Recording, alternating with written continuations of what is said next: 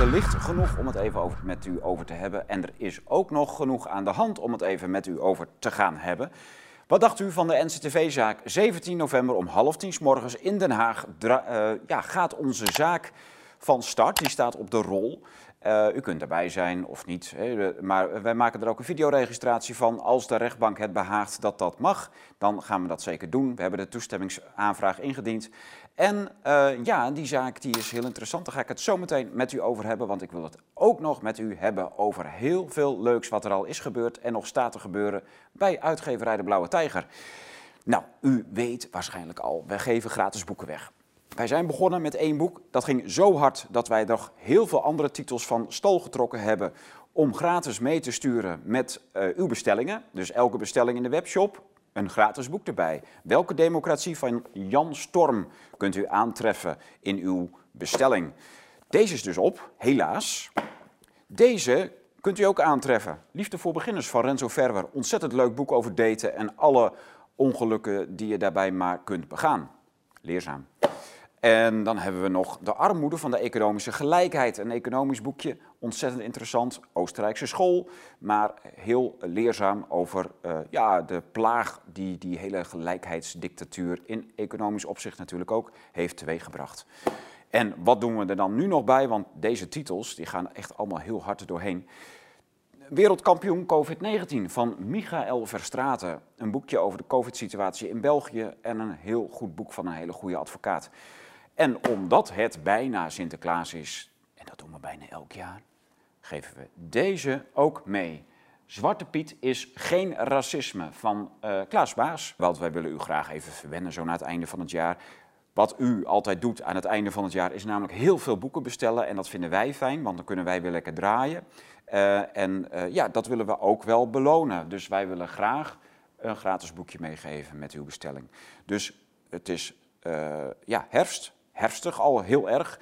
En dat betekent altijd de opening van het boekenseizoen. We gaan naar Sinterklaas, we gaan naar de kerst. En dat betekent veel boeken cadeautjes kopen. Dat weten wij en dus gaan wij dat eh, ja, eh, met, eh, met deze zes gratis titels een beetje stimuleren. Ja, en wat bestelt u dan zoal? U bestelt vooral deze. Dit hele dikke boek, De gevaarlijkste dokter op aarde van de uitgeverij Amsterdam Books. Een conculega van ons en een ontzettend goede conculega. Eh, die is in vertaling verschenen een aantal weken geleden. Uitgever Ralf Dekker zat hier aan tafel, die toevallig ook even en passant een paar maanden Kamerlid is. En die, die heeft toegelicht wat er precies aan de hand is met dit boek. Het is het boek van Robert F. Kennedy, een eh, vooraanstaande advocaat, was ook milieuactivist en voornamelijk de laatste jaren enorm bezig met alle mensenrechten schendingen die maar denkbaar zijn in dat hele lange, dikke corona- en vaccinatiedossier. Dus dit boek is echt een waanzinnige bestseller in onze webshop, maar het haalt niet bij de belangstelling die u heeft voor dit hele leuke ja, merchandise. Wij zagen het eigenlijk min of meer als een merchandise en als een leuke toevoeging aan onze eh, boekenassortiment. De blauwe tijger staat erop en het is een telefoonhoesje wat alle straling blokt zodra je je telefoon daarin doet. Dus je kunt daar tot vier telefoons in doen. Als je bijvoorbeeld aan het praten bent met een aantal gesprekspartners aan tafel, stop je alle vier je telefoon erin en je kunt vrij praten zonder afgeluisterd te worden of meegeluisterd aan, aan hetgeen jullie bespreken. Eh, en dit is dus echt een enorm succes en dat vinden we leuk. Dus dit is ehm, de bestseller absolute bestseller van de herfst bij ons in huis. Dit gaat echt heel hard. Dan ga ik het met u hebben over onze eigen nieuwe titels die in dit najaar gaan verschijnen en al zijn verschenen. Als eerste was dat natuurlijk Alles is nep, nep van Michael P. Singer, Amerikaanse advocaat over de rol van China in de wereldwijde lockdown-strategie. Hoe China via de WHO ons allemaal die lockdown-strategie door de neus boorde. Dus dat is niet alleen maar het CDC, het is niet alleen maar Fauci, het is niet alleen maar Soros en Gates, maar het is ook vooral China wat hiermee bezig is. Daar gaat dit boek over. En dan hebben wij natuurlijk David Talbot, Alan Dulles, de CIA en het ontstaan van Amerikaans geheime overheid. En dat boek heet Het schaakbord van de duivel. Een ontzettend belangrijk boek. Al uit 2015 is nu eindelijk vertaald. Het was een heel erg grote klus en we zijn ongelooflijk blij dat dit boek vertaald is. En dat gaat dus ook heel hard, want het, eh, ja, het boek verkoopt zichzelf. Het, ehm, iedereen die het leest is enthousiast. En dat eh, gaat van mond op mond door. Dus ook dat boek gaat heel hard.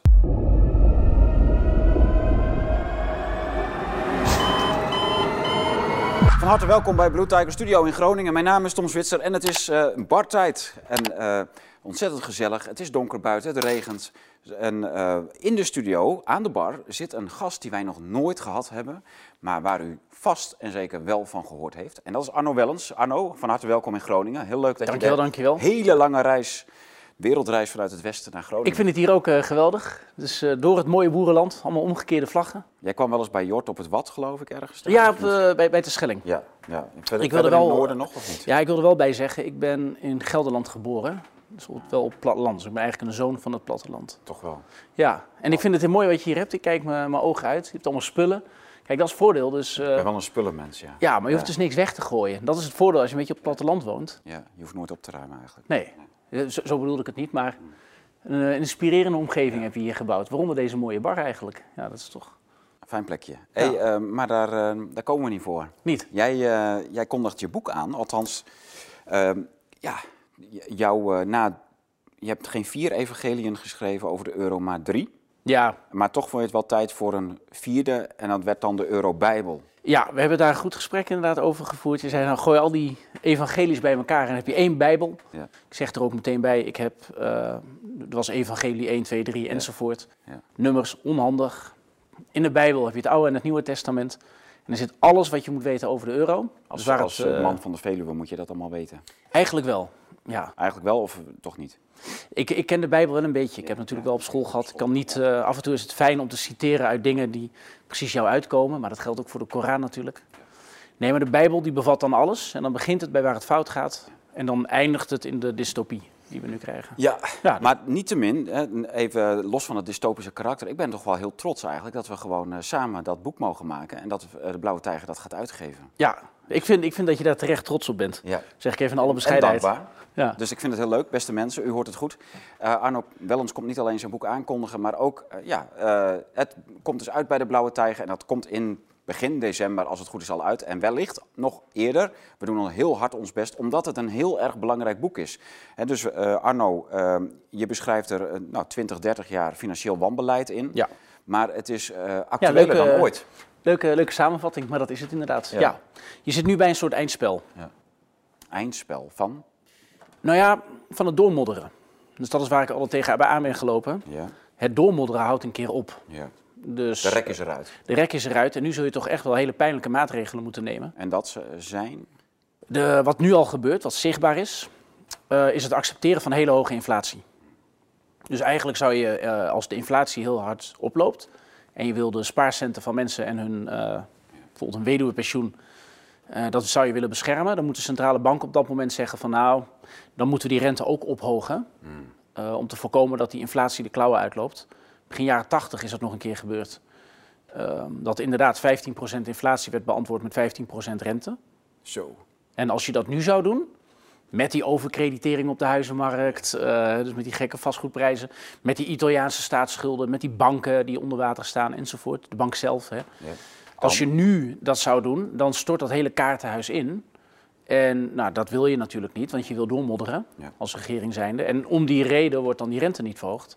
Maar dat betekent dat inflatie niet wordt bestreden en dat uh, Ja. mensen armer worden waar ze bij staan. Ja, nee, maar goed, als je wel zou uh, ingrijpen, en wat jij zegt met, met de hele situatie die jij net uh, geschetst hebt, wat zou er dan gebeuren? Wat zou er allemaal omvallen, wegvallen? Um, elkaar nou, hele mooie dingen eigenlijk. Ja, toch? Ja, dat klinkt heel gemeen. Kijk, ik zeg er wel meteen bij dat uh, dingen die pijn doen, hè, wat, wat, als, als, als iets saneert, uh, je kunt het vergelijken met een relatie of een huwelijk die toch moet stranden. Nou, op dat moment is het bijzonder pijnlijk, weet, weet er alles van. Maar daarna kun je opnieuw beginnen en heb je een verse start. En Zit, dat daar, zou je... zit daar geen boekje in? Relaties? Ja. ja, zeker. Dat is de. Ja. Nee, ik, ik hoorde dat een, uh, iemand die uh, een naam heeft, heel erg op die van mij lijkt, dat hij ermee bezig was. Maar Ah, dat. Nou, dan gaan we, dat zien we dan wel. Dat zien we dan wel. Ja. Nee, maar dat, dat, kijk, wat, is, wat er op korte termijn zou gebeuren, hè, als je zou zeggen, saneer die boel gewoon, accepteer dat er veel te veel schulden zijn bij bedrijven, bij overheden. Uh, Griekenland gaat het geld nooit teruggeven. Scheur al die eh, schulden door midden, want schuld moet je ook zien als een stuk papier. Waarop staat van ik krijg geld van jou, noem een bedrag met een rente. Komt niet meer terug. Italië gaat zijn staatsschulden niet terugbetalen. Gaat zich niet aan de afspraken houden. Gaat niet begrotingsoverschotten realiseren. En die staatsschuld laten teruglopen. En ze lappen al 30 jaar lang de regels aan hun laars. Ja, omdat ze weten en eh, uit ervaring dat Brussel en dan vooral Duitsland, Nederland de boel wel weer. Schuld wordt toch ergens anders. eh, dus het probleem wordt door anderen opgelost. Ja. En dat is slecht voor die anderen die dat moeten oplossen. Want er moet er heel veel geld worden bijgedrukt om dat mogelijk te maken. Oké. Dat is onze inflatie. Alleen Italië kan ook nooit echt hard hervormen en, ehm, en een zeer omvangrijke belastingontwijking aanpakken.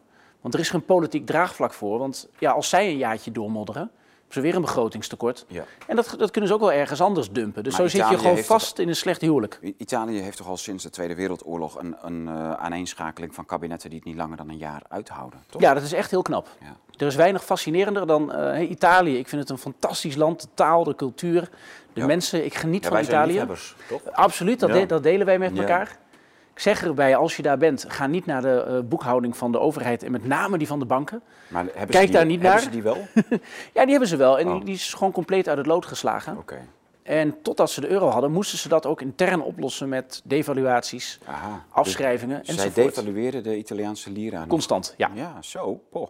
En dan krijg je ook een cultuur waarin dat normaal is. Zeg je, oeh, we hebben nu een begrotingstekortje. Staatsschuld begint wat op te lopen. Eh, maar ja, dat, dat is de inflatie die lost dat toch wel op. Ja, ja. En Nederland en Duitsland hebben een tegenovergesteld beleid. Dat is in elkaar geschoven, wetende dat dat eigenlijk niet kon. En dan moest dat als een wonder, zou dat dan eh, zichzelf moeten managen. Zou dat goed moeten komen. En, maar goed, dat zul je dan allemaal moeten doorstrepen. Banken bij wie die obligaties uitstaan, moeten dan, eh, die zullen allemaal omvallen. ja. Huizenprijzen zullen weer dalen. Ja. En dan krijg je een meltdown en dan kun je weer opnieuw beginnen. Jeetje, daar komen we straks op.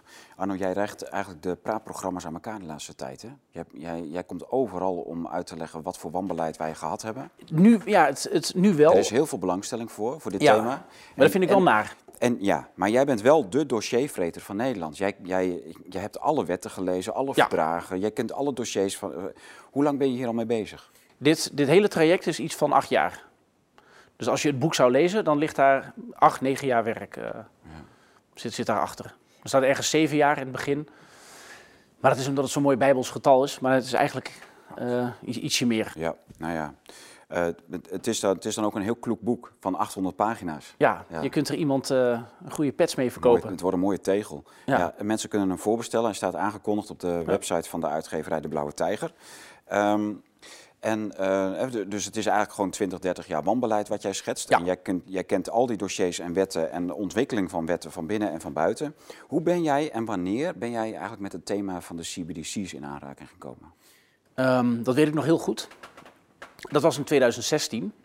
Dat is vroeg. Eh, ja, maar ook weer niet. Want CBDC's die werden, in het, ehm, die werden in jaarverslagen genoemd van banken. Het waren die van Maleisië en eh, Zweden die het voor het eerst eh, opmerkten. Ja. Dus je ziet dat ik voor mijn lol jaarverslagen van centrale banken lees. Dus Uit dan, Maleisië en Zweden. ja, maar dan Ja. kom je dus wel eens ergens op. Hè? Nou, ik bedoel, je, nou. je vindt daar wel dingen. Mensen Ja. zullen in het begin zeggen van, nou, het is allemaal heel abstract wat jij noemt en vertelt. Maar dat wordt met de loop van de tijd wordt dat concreter. Wat er in 2016 gebeurde is iets heel bijzonders. Toen wilde de Europese Centrale Bank, die had de rente al heel licht negatief gemaakt. En die wilde hem nog negatiever maken. Eh, maar die deed dat altijd in kwart procentpunten of meer. En die begon toen veel kleinere stapjes te maken, naar beneden toe. Ja. Dus negatieve rente. Ja.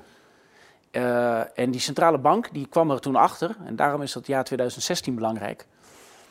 Eh, die centrale bank kwam erachter dat er een ondergrens zit. De, zeer- de lower bound heet dat in monetaire termen. Ik heb het ook niet bedacht. Er is dus een, bij, bij bestaan van cash kun je de rente maar zoveel verlagen. En daar kwamen ze toen achter. Dus heb je CBDC's nodig. Als je Ja. Wat je contant geld, ja, contant geld moet eruit. Ja. Wat er heel praktisch gebeurt is eigenlijk heel simpel. Ehm, het gaat om het punt ehm, Monetary Policy Transmission heet dat. Er staat nu, als je op CBDC zoekt, Central Bank Digital Currency, CBDC, ga naar tweedekamer.nl, zoek op CBDC. Ehm, laten we zeggen dat het 10 november is als mensen dit kijken. Kijk dan wat het meest recente document is. En dan is er een brief van Sigrid Kaag aan de Tweede Kamer. En dan zegt ze, ja, er komt CBDC aan. En een van de aspecten die wij heel belangrijk vinden, naast privacy, is ehm, transmissie. Daar staat woord. Die twee dingen die zijn compleet tegenstrijdig. Wat, wat moet En transmissie, Ja.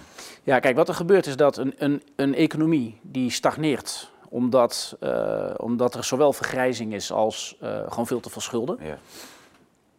Eh, dat is eigenlijk precies de situatie waar de Europese Unie in zit. Hebben wij zoveel schulden? Ja. Het is ook historisch is het heel ongezond. En dan kun je zeggen, ja, Nederland valt het wel mee. Maar kijk eens in Nederland naar die hypotheekschulden. Die hebben ze dan in Italië weer niet. Eh, overheidsschulden in Italië, Griekenland, Spanje zijn nog nooit zo hoog geweest. Oké. En die, die zijn tijdelijk even draagbaar, draaglijk, omdat, omdat de rente laag is. Dat is, een, man- dat is een, een, een- eigenlijk een manipulatie van de centrale bank. Want ik ga die rente laag houden. Dat heeft Mario Draghi toen ook gezegd. Ja. De president hij zei van, als, als ik nu de rente even heel laag zet, dan kunnen jullie die schulden saneren. Maar dan moet je niet nu een beetje gaan lopen doormodderen en tegen je kiezer zeggen dat er niks aan de hand is. Nou, wat hebben al die regeringsleiders, met name onze eigen Rutte, gedaan? Die hebben dat wel gedaan. Die hebben dat wel gedaan. Die hebben gezegd, er is niks aan de hand, geen cent meer naar de Grieken. Maar die hadden die lage tijdelijke rente moeten gebruiken om te saneren, want dan is het ook makkelijker. Dus dan kun je een stuk afschrijven en dan kun je misschien landen uit de eurozone gooien. Nou, dat kan natuurlijk niet, hè, want dat is politiek. Was dat te gevoelig, maar dat, dat soort dingen had je dus eh, eh, moeten doen. Maar goed, op een gegeven moment, dat weigeren ze. Er komen meer schulden, meer schulden, meer schulden bij. Die centrale bank moet die rente verlagen en verlagen en verlagen om dat mogelijk te maken. En wat de gedachte daarbij is, is dat als jij bijvoorbeeld op een bankstel zit. En jij denkt van nou, dat bankstel is wel een beetje oud, dat zou ik wel kunnen vernieuwen. En jij zit in een dorp met 100 mensen die bijvoorbeeld, eh, waarvan 100 andere mensen ook denken, nou, dat bankstel zou ik kunnen vernieuwen. Misschien denk je op dat moment ook van, laat ik het niet doen voor het klimaat en het milieu. Oh ja. Dat Ja. zou, zou Ja. een, lijkt me een, een valide argument. Je kunt ook zeggen, ik wil, eh, ik wil mijn spaargeld gewoon niet aanvreten. Nou, als die economie stagneert en de centrale bank verlaagt de rente van 3% naar 2%, dan verkleint de bonus op sparen. Dan zul jij eerder geneigd zijn om eh, dan toch maar naar de meubelboulevard te gaan, nieuwe bank te bestellen. Nou, dan heb je een nieuwe order, meer werk enzovoort. Bank moet worden geleverd. Nou, die centrale bank kan op centraal niveau eigenlijk ehm, vrij goed inschatten wat het effect is van een bepaalde renteverlaging. Ja. Daar hebben ze hele slimme econometristen voor in dienst. Eh, alleen wat zeggen die econometristen op een gegeven moment? Ze lopen tegen een probleem aan. Want als jij dit een aantal keren doet en die economie wil maar niet groeien omdat die schulden nooit worden gesaneerd en we worden ouder en ouder. eh, en Nederland zegt dan, nou dat lossen we dan op met immigratie. Alleen die immigratie komt uit landen met een nog lager geboortecijfer zoals Polen. Dus dat is gewoon een soort ponzi-scheme, dus dat gaat een keer fout. ja. Nou, op een gegeven moment ehm, Dus aan, loop je er aan de tegen... onderkant heb je steeds meer aanwas nodig. Ja, maar dat, dat is niet vol te houden, want die mensen worden ook weer oud. En op een gegeven moment heb je 80 miljoen mensen hier in Nederland, bij wijze van spreken. Nou, wat gebeurt er nou? Op korte termijn, die, eh, die rente die staat op nul, 2016, en dat is een belangrijk moment. Want als je dan verder omlaag wil gaan, dan ga je negatieve rente krijgen. En dan wordt je, dan wordt je wereld heel gek. Dan gaan er hele gekke dingen Dat gebeuren. iedereen vond dat gek toen. Dat is ook gek. Ja. En het heeft een paar jaar geduurd. En in die paar jaar is het een beetje normaal geworden. Ja, Maar het eigenlijk kon, is het heel dus gek. wel. Het, Ja. het, het is eigenlijk heel gek en het kon gewoon, het kon gewoon gebeuren. Het heeft dus bestaan. Ja, We zitten maar dat kun je maar één keer doen. Ja, Oh, Dat is het probleem. ah, Dat is de joker. Het is een joker Ja. die je kunt trekken. ah, want je kunt niet nog verder de rente verlagen. Nee, want dan gaan mensen pinnen. Precies. Ja, ja, ja, ja. Want jij krijgt dus die prikkel. En dat is dus de transmissie van het monetaire beleid. Dus de Dan krijg je een bankrun. Ja. En de ECB kan dat meten. Staat ook gewoon op de website, in de rapporten. Ze hebben een report on the digital euro. Staat het allemaal in uitgelegd als mensen zich dit niet, niet kunnen voorstellen. En er wordt gezegd, nou, er zijn een aantal aspecten aan CBDC waarom dat nodig is. En het belangrijkste is monetary policy transmission. En dat betekent dat als de centrale bank zegt, wij gaan de rente verlagen, zodat jij geld gaat uitgeven. Maar jij zegt dan, Tom Zwitser, van nee, maar ik zit met mijn geld, het is van mij, Nee. Ik heb het verdiend, Ja. ik blijf op de bank Krijg zitten nou wat. krijgt nou de, het heen en weer. Ehm, dan moet die centrale bank, eh, ja, die is dan door zijn middelen heen. Die kan jou niet dwingen om uit te geven. En, ehm, en jij als monetaire, oh, als, als vrij mens, soeverein mens, kunt dan besluiten wat jij doet met jouw geld. Die centrale bank vindt dat vervelend. Die ontdekt dat jij gaat pinnen op het moment dat die rente nog verder onder de, onder de nul Ja, gaat. Ja. En dan is de oplossing heel simpel. Dan moet je contant geld weghalen. ja, dus dan betaal je echt alleen nog maar met eentjes en nulletjes. Ja, dus dan heb je de, ehm, het, het, het officiële verhaal wat je dan hoort, maar dat klopt helemaal niet. Ehm, dat is dat contant geld, dat, eh, dat ik, ik, ik zou jou nu bijvoorbeeld iets willen betalen. Ik heb een vijfje in mijn zak zitten. Eh, jij- je, hebt, je hebt een keer broodje voor mij gekocht, ik moet je nog vijf piek betalen. Ik kan je een vijfje geven. Nou, dat contante geld, dat wordt gedekt door de centrale bank. En dat, die is eigenlijk van overheden. Heel betrouwbaar. En dan wordt er gezegd, ja, aan de andere kant heb je dan uh, particulier geld, namelijk in je bankaire app. En die particuliere banken, ja, die zijn heel eng, want die vallen misschien om. Dus zou het niet fijn zijn als mensen dan naast hun contante geld veilig gedekt door de centrale bank, maar onpraktisch in grote hoeveelheden, dat je dan ook een digitale euro hebt die wordt gedekt door de overheid. Dat is het, dat is het verhaal dat wordt verteld. Ik geloof dat niet, om een aantal redenen. En de meest simpele is dat er depositogarantiestelsel is.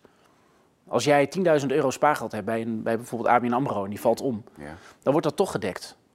Door, omdat het een systeembank is? Ja. ja. Dus uit datzelfde systeem hoef jij niet nog een betaalmiddel. Precies.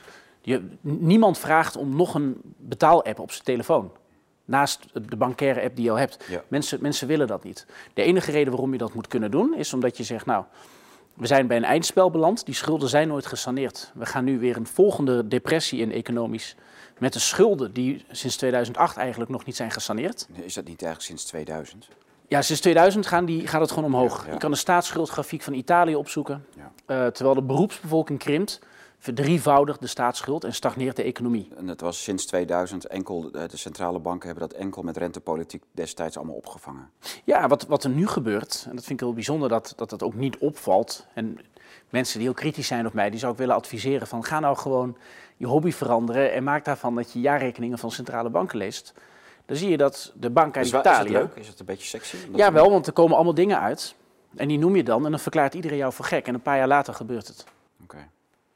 Dat is best wel, ja, is wel heftig. Dat is eigenlijk wel lachen, ja. Ik bedoel... Dus eigenlijk, jij zegt dus van, uh, nou ja, als je, het, als je het wel had gedaan, dat gewoon al die saaie jaarrekeningen doorgeplozen, dan, dan had je geweten wat er nu ja, stond te gebeuren. Wat, wat er gebeurt. Mhm. En die, die Italiaanse centrale bank die zegt, nou wat Italië ook uitgeeft aan, aan staatsschuld, dus als zij weer een begrotingstekort hebben, wat weer tegen de afspraak is, die Italiaanse centrale bank die zuigt alles in zichzelf op. Er is niemand bij zijn volle verstand die in Italiaanse staatsobligaties gaat beleggen, want er zit geen rente op en je loopt wel risico. Dus waarom, waarom zou je dat doen? Nou, en waarom, hebben ze, waarom hebben ze überhaupt nog eh, obligaties dan? Nou, dat, dat is hoe dat werkt als je een staatsschuld hebt. Italië zou kunnen zeggen, nou, we gaan de begroting op orde brengen. En als het allemaal niet aantrekkelijk is, dan zou toch niemand die obligaties kopen? Nee, en dat is dus het kunstmatig aan het hele verhaal. Aha. Dus die centrale bank, die, wil, die zuigt die obligaties in zichzelf op. Daarmee geven ze het signaal af aan beleggers van, nou, ja, als je bang bent om zo'n ding te kopen, weet dan dat je hem 100% zeker bij ons kwijt kunt. Accepteer dan ook een hele lage rente, want het is veilig. En die lage rente moet het mogelijk maken voor Italië om nog een jaartje, nog een jaartje, nog een jaartje uit te zingen. Zo, dat is echt steeds de strategie, nog maar een jaartje. Ja, doormodderen, doormodderen, doormodderen. Om dit mogelijk te maken moet die rente onder de nul zitten op een gegeven moment. Uh, dan ga je dus tegen het probleem aanlopen dat mensen gaan pinnen. Dus die, die transmissie, zoals Kaag het in het Nederlands vertaalt, die werkt dan niet meer. Ja, want mensen gaan dan pinnen. Nou, het grappige is, als je erover nadenkt, dus die, die, centrale bank die zou dan weer dus de rente willen verlagen op een gegeven moment. Dat middel werkt niet, omdat iemand zo aardig is om al die pinautomaten te vullen, waardoor mensen gaan pinnen. Weet je wie de pinautomaten vult? Nou. Dat doet de ECB ook. Ah, dus die, die schiet zichzelf in de voet, bij wijze van spreken. Ja, ja, ja precies. Dus, dan op een gegeven moment staan er twee dus mensen in de lift. En die, ja, maar we zijn geen gekke Henkie meer. Nee. Gaan, uh, ja, oké. Alleen het akelige daarbij is, is dat je dus wel een digitale identiteit nodig hebt. Mm -hmm. Maar dat hebben we toch pas allemaal uh, juichend uh, aangenomen toen met die corona-app. Ja, en nou zeggen mensen, dat vind ik heel grappig, hè, dan... Ik zeg even voor de, voor de duidelijkheid, bij alles wat ik zeg kunnen mensen in filmpjes, maar ook het boek of waar dan ook, gedocumenteerd terugvinden. Ja, uit je gewoon... hebt het, je hebt het behoorlijk gedocumenteerd. Ja, je hebt het, dus, dus iemand die dat allemaal moet overtikken en dat is een afschuwelijke rotklus, want ja, het zijn iets van duizend bronvermeldingen. Daar, daar, ik zeg, ik noem dat even, en dan weten mensen wel van, ja, hij verwijst naar pagina zus en zo van de Banca d'Italia. Weet ik wat. Het klopt. Kijk, wat er is gebeurd is dat, um, dat er een enorme push was vanuit de Europese Centrale Bank voor central bank digital currency. Want als jij een vervanger wil voor contant geld, dus je hebt dan die central bank digital currency, dan is dat een systeem, een app op jouw telefoon waarmee jij moet inloggen. Alleen geld is bijzonder fraudegevoelig. Dus uh, de beveiliging die daaromheen zit, die moet net zo sterk zijn als bij jouw bestaande bankapp. Ja. En toen jij jouw bankrekening ooit ging openen, voordat je een app op je telefoon had om te bankieren, toen moest je een keer met je paspoort naar de bank. Ja. Nou, zoiets gaat nu weer moeten gebeuren. Dus er moet een paspoortachtige situatie zijn. idee of zoiets heb je toch tegenwoordig? Ehm, ja, maar dat, dat wordt dan wat, wat, wat opgerekt. Dus dat wordt dan een Europees middel. En, maar dat heeft een aantal enorme consequenties als je erover nadenkt. Ja. Want de Europese Commissie, en daar zit geen sterk controlerend parlement bij, die gaat nu over jouw paspoort en jouw identiteit. Dat is, ik vind dat best een heftige stap. Daar zouden Ja. mensen ook wel eens over na moeten denken. Ja, maar we zitten toch, kijk, de, de centrale banken van, van de Europese EU-landen, die zijn eigenlijk al allemaal gewoon onderhorig aan, aan Frankfurt, ECB. Feitelijk wel, ja. Ja. En dus dat is eigenlijk gewoon de cruciale stap geweest waardoor nationale overheden binnen de EU eh, eigenlijk al, nou, die hebben geen zeggenschap meer over hun eigen munten. Nee, rente, be- precies, ja. Ja, en eh, alles ligt al in Frankfurt en dus in Brussel. D- dat, daar is toch eigenlijk al een ja, half, maar misschien zelfs al wel drie kwart een Europese staat in aanbouw. Kijk, dat is dus de kernvraag. Ehm, je had ooit de Europese gemeenschap, Europese economische gemeenschap. En die is eh, in een aantal stappen na de Tweede Wereldoorlog gebouwd. Duitsland, Frankrijk gaan samen handelen. Maken afspraken over Benelux bepaalde erbij. Benelux erbij.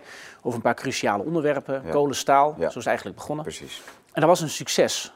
Eh, politiek, omdat, eh, omdat, omdat zij samen economische successen haalden. Ja. Dus wat dat betreft zou ik mezelf, als je daarbij had gelaten, zou ik zeggen, dan zou ik een echte eurofiel zijn geweest. Ja. Alleen toen is eind jaren 80 zijn er een paar fouten gemaakt, begin jaren 90. Ehm, en het belangrijkste is eigenlijk dat de Sovjet-Unie uit elkaar viel, Oost-Duitsland mocht zich herenigen. Ehm, en Frankrijk was niet langer het be- belangrijkste land van het continent, het grootste. Toen heeft Frankrijk gezegd, wij willen dat Duitsland de D-mark opgeeft. Dus wij gaan samen eh, één munt bouwen rondom de twaalf landen die toen Ja, ja, ja. mee zouden doen. Maar Alleen, de, eh, de D-mark opgeven, dat was in hun perceptie eigenlijk gewoon van ja, jullie moeten gewoon, we, we gaan jullie D-mark afromen. Ja, Ja, dat, dat was toch het plan. Ja, dat is gewoon een, pe- een permanente eh, geldtransitie van noord, midden naar zuid. Ja, maar dan kun je af. Nou, kijk, ik denk dat toen bij een aantal mensen echt oprecht nog wel het idee was dat het zou kunnen werken. Ja. Eh, er werd wel gezegd, nou, dat hè, Fra- eh, Frankrijk heeft kernwapens, Duitsland niet, maar Duitsland heeft de D-mark. Dus Ja. door dat ding eigenlijk te vernielen, zou je kunnen zeggen, heb je Frankrijk weer het belangrijkst gemaakt. Op dat moment wilde Frankrijk heel graag dat Italië er ook bij kwam, want Duitsland moest verwaterd worden. Eh, Griekenland had toen zelfs nog een lagere staatsschuld dan Italië en zo is Griekenland er ook bij gerommeld. Alleen dit zijn allemaal geen economische argumenten. Dit is ja, politiek ressentiment van Frankrijk, zou je kunnen ja, zeggen. precies. Ja. Alleen waar ze toen achter kwamen, Dus ze hebben het blok aan het been van Duitsland zo, zo zwaar mogelijk gemaakt. ja, eigenlijk wel. En daarmee van Nederland, want Ja. de Nederlandse economie lijkt op die van Duitsland, is Ja. net zo concurrerend. Het akelige wat er, toen, eh, wat er toen is gebeurd, is dat er ook de economen werd gewaarschuwd van als je dit gaat doen, dus als je munten op elkaar aansluit, je maakt er één federatie van, dan moet je ook een sterke politieke unie hebben. Ja. Want je kunt geen munt hebben zonder dat de rijke landen, bijvoorbeeld Nederland, letterlijk tientallen miljarden euro's per jaar, steeds opnieuw, naar het zuiden overboekt, naar de zwakkere landen. Ja. Want die de zwakke landen die kunnen hun eigen beleid niet meer En voeren. die krijgen daar alleen een, schuld- een soort schuldbekentenis voor de tour. Ja, dat. En eh, om dat recht te trekken, dus kijk, als je samen grote ambities hebt, Ja. dat is ook heel logisch, dan moet je ook bereid zijn, zeker de rijkere landen, om hele grote offers te brengen. Alleen, ja, daar kun je wat van vinden, zo heb ik het ook in het boek genoemd, maar feit is dat de gemiddelde Nederlander, ja, die zit niet zo te springen om, om heel veel te doneren. Die wil dat gewoon niet. Eh, toen hebben ze een, eh, een truc bedacht, en dat, is- dat heet het Verdrag van Maastricht. Mensen kunnen dat opvragen. 92. Ja, en daar staat in, heel mooi, van... ehm, nou, je gaat meedoen met de euro, maar dat kost je geen cent. Dat is een no-bail-out-clausule. Van, hè, als, als, de, als links iets fout gaat, dan hoeft recht, rechts eh, niet te betalen enzovoort. Ja, ja.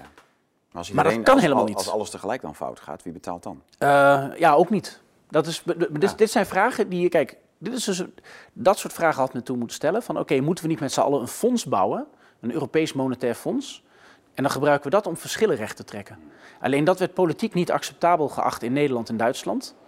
Daarom is er gezegd Ja, van... omdat het de verdere integratie van Europa eigenlijk zou tegenhouden juist. Ja, En zij En- wilden dat dus echt met, via zo'n politieke munt, wilden ze dus die politieke vereniging van Europa door, Ja, er doorheen jassen. dat kun je eigenlijk wel zeggen. En er staat in dat verdrag van Maastricht in het begin van... nou, dit moet een succes worden.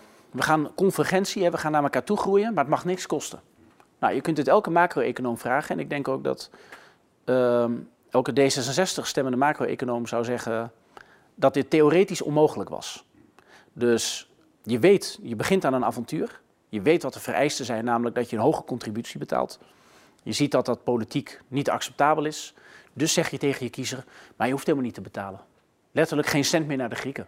Dat werd, en dat is dus een leugen die Nederland zichzelf steeds heeft voorgehouden van, maar je hoeft niet te betalen en het is niet zo. Maar dat is dus wel zo. Daar is dat fout gegaan. Op een gegeven moment krijg je een kredietcrisis. ECB moet het oplossen en zegt, maar ik kan als centrale bank ook maar zo ver gaan. Jullie zullen op een gegeven moment politieke stappen moeten zetten. Ja. En dat is zich nu aan het ontvouwen. Ja. En je gaat dus gewoon naar een Europese superstaat, een federatie toe. En Nederlanders willen dat niet. Ja. Maar die federatie, dat is dus echt niet een federatie van natiestaten. Dat is eigenlijk gewoon een, een, een op macroniveau, uh, nee, op microniveau, het, een totaal controleerbare identiteit voor elke Europeaan. Ja, dat, dat is eigenlijk wat nu. Terwijl vroeger was dat natuurlijk niet zo. Toen spraken we af van nou, we hebben een, natiestaat en we hebben. Uh, uh, dit, zijn, dit zijn de grenzen. En iedereen die, iedereen die erin woont is Nederlander. Ze hadden nog geen paspoort of wat dan ook. Dat, werd pas, dat kwam pas veel later. Niet, maar je was Nederlander. Maar nu is het precies andersom. Hè? Dus die, die natie, die grenzen en zo, die, die doen er eigenlijk niet. Dat, nou, dat kan nog alle kanten op gaan. Eh, naar, tot en met Moskou of Peking aan toe. Maakt allemaal niet uit. De hele Balkan komt er nu bij. Komt er allemaal bij. Als die totale controle-identiteit van elke EU-burger er maar komt. Dat is, dat is nu hun breekijzer. Ja, want straks zit je dus samen met Portugal en Finland. Ik, ik, moet er echt nog even van inschenken. Ja, doe dat. ja, ik, mag niet drinken, want ik ben met... Uh... Jij bent een, uh, een waanzinnig uh, belangrijk exposé aan het houden. Ja, maar ik moet nee, maar dat vind ik goed. Ik moet want, even bijkomen, want ik vind het echt verschrikkelijk om... Er is niks, met, niks mis met een lekker wijntje. Daarom. Ja, het is, het is wel heftig. Ik denk dat mensen niet... Oh, ja. goeie. Ik zelf meegenomen. Ja, maar mensen onderschatten hoe heftig dit is. Vind je het sapje wel uh, oké? Ja, vind ik prima, joh. Okay. Het is een beetje zoet, dus ik drink niet te veel. Nee. Anders vallen mijn tanden eruit. Ja. Maar goed, na afloop kunnen we toch wel een uh, borreltje. Ja, eentje dan. Maar ik ben, ik ben echt tegen drinken en rijden. Ah, oké. En ik vind, kijk, sommige dingen die in het leven, die... Um, um, het is net als vreemd gaan. Je gaat ook niet een beetje vreemd, zeg maar.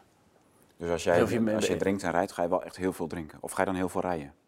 Ja, dus gewoon niet. Dus je oh. moet het gewoon, oh, je moet het okay. gewoon gescheiden houden. Ja. En dan zeg ik nou met twee wijntjes of drie, of ja, of ik wacht nog een uurtje en een koffietje. En dan, nee, ik doe dat niet. Nee. Ik, ben, ik ben iemand bij wie dat niet werkt. Hè. Ik, ik zit veel in Excel en dan heb je gewoon cellen met uh, en kolommen en ja, rijen. Je lijkt altijd zo los en zo, maar je zit, bent toch echt zo'n eh, Excel-mannetje? Ja, maar dat moet wel, want ja. dan heb je dus structuur gecreëerd, ja. kaders waarbinnen je... Maar heb jij echt last van één glas wijn dan met rijden? Um, ik heb één keer gehad, toen was ik heel moe. En toen had ik één wijntje gedronken, dacht ik, okay. ja. ja. Ja, dat moet je ook niet hebben. Nee. Nou, maakt niks uit. Uh, we, gaan, we, gaan dat, uh, we gaan het nog wel een keer overdoen. Het, uh, ja hoor, we zorgen dat er een leuke... Um, zorgen dat er een leuk event is of een dingetje, een, presentatie. We gaan het door het hele land heen doen, dat ja. is ook zo. Ja. En dan kunnen mensen daar gewoon een borrel... Uh, precies. Mensen zorg ik dat ik daar slaap. met jou, of, ja. Ja, ja, ook een pyjamafeestje om jouw boek te lanceren. Nou ja, we kunnen... Nou, wat, dat is misschien wel heel gevaarlijk. Oh met drank erbij. Maar we zouden het in een stad kunnen doen en dan, doen we er een, dan blijven we slapen of zo ja, in een hotel. Gewoon van de Valkje afhuren. Bijvoorbeeld, ja. De, de, de leukste corrupte familie van Nederland. hey, um, wat is nou de rechte lijn tussen uh, die crisis die jij in het verdrag van Maastricht ziet nou ja, uh, vastgelegd worden en die CBDC's? Dat is je uiteindelijk... Want, want dat is een wereldwijd uh, ding wat uitgerold wordt. Dat is ja. niet echt iets EU-achtigs aan. Oh, het, uh, het grappige is dat uh, bijvoorbeeld Denemarken...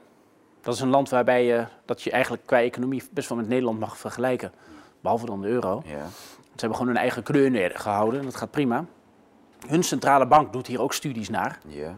En zegt van, maar wij zien het nut niet. Ah. Want wij snappen niet precies eigenlijk ah. wat ik net zei. Okay. dus ik kan jou al contant geld geven. Uh, contant geld, een claim op een centrale bank gedekt door de overheid. Mm -hmm. Veilig. Uh, of ik betaal via de app. En die app komt van een bepaalde bank. En die bank ja. die is dan niet van de overheid, dus minder veilig. Maar zeg ik altijd, als die bank in de problemen komt, dan springt de overheid toch wel bij. Dus al het geld is al gedekt door de overheid. Mm -hmm. Dus die tussenvorm, die, die, die dient geen doel. Die heeft geen nut in een moderne economie. En uh, dat is wat bijvoorbeeld Denemarken zegt in onderzoek. Waarom doen zij het dan niet en wij wel? Omdat Denemarken niet in de euro zit. Kijk, dat is dus het hele en, um, Maar de, Fed doet het ook. Ja, maar de, de, de ECB is hierin wel vrij agressief. Is dat zo? Want ik, ik heb begrepen, en wij hebben dan dat blad uh, in september gemaakt over de CBDC's. Uh, dat, uh, dat het plan toch eigenlijk bij, bij BlackRock, de Fed en de BIS vandaan kwam. En van daaruit pas de ECB ingeïnjecteerd werd. Nou, kijk, het is, het is moeilijk omdat. Um, kijk, het is, het is sowieso een idee. Dus op een gegeven moment, eigenlijk sinds 2013 ongeveer, dan begint in, uh, in papers en in de discussieplatforms zie je het woord central of de, het transmissieprobleem. Ja. Van dat je dus bij bestaan van contant geld kun je dus niet onder de rente onder de nul laten zakken te ver.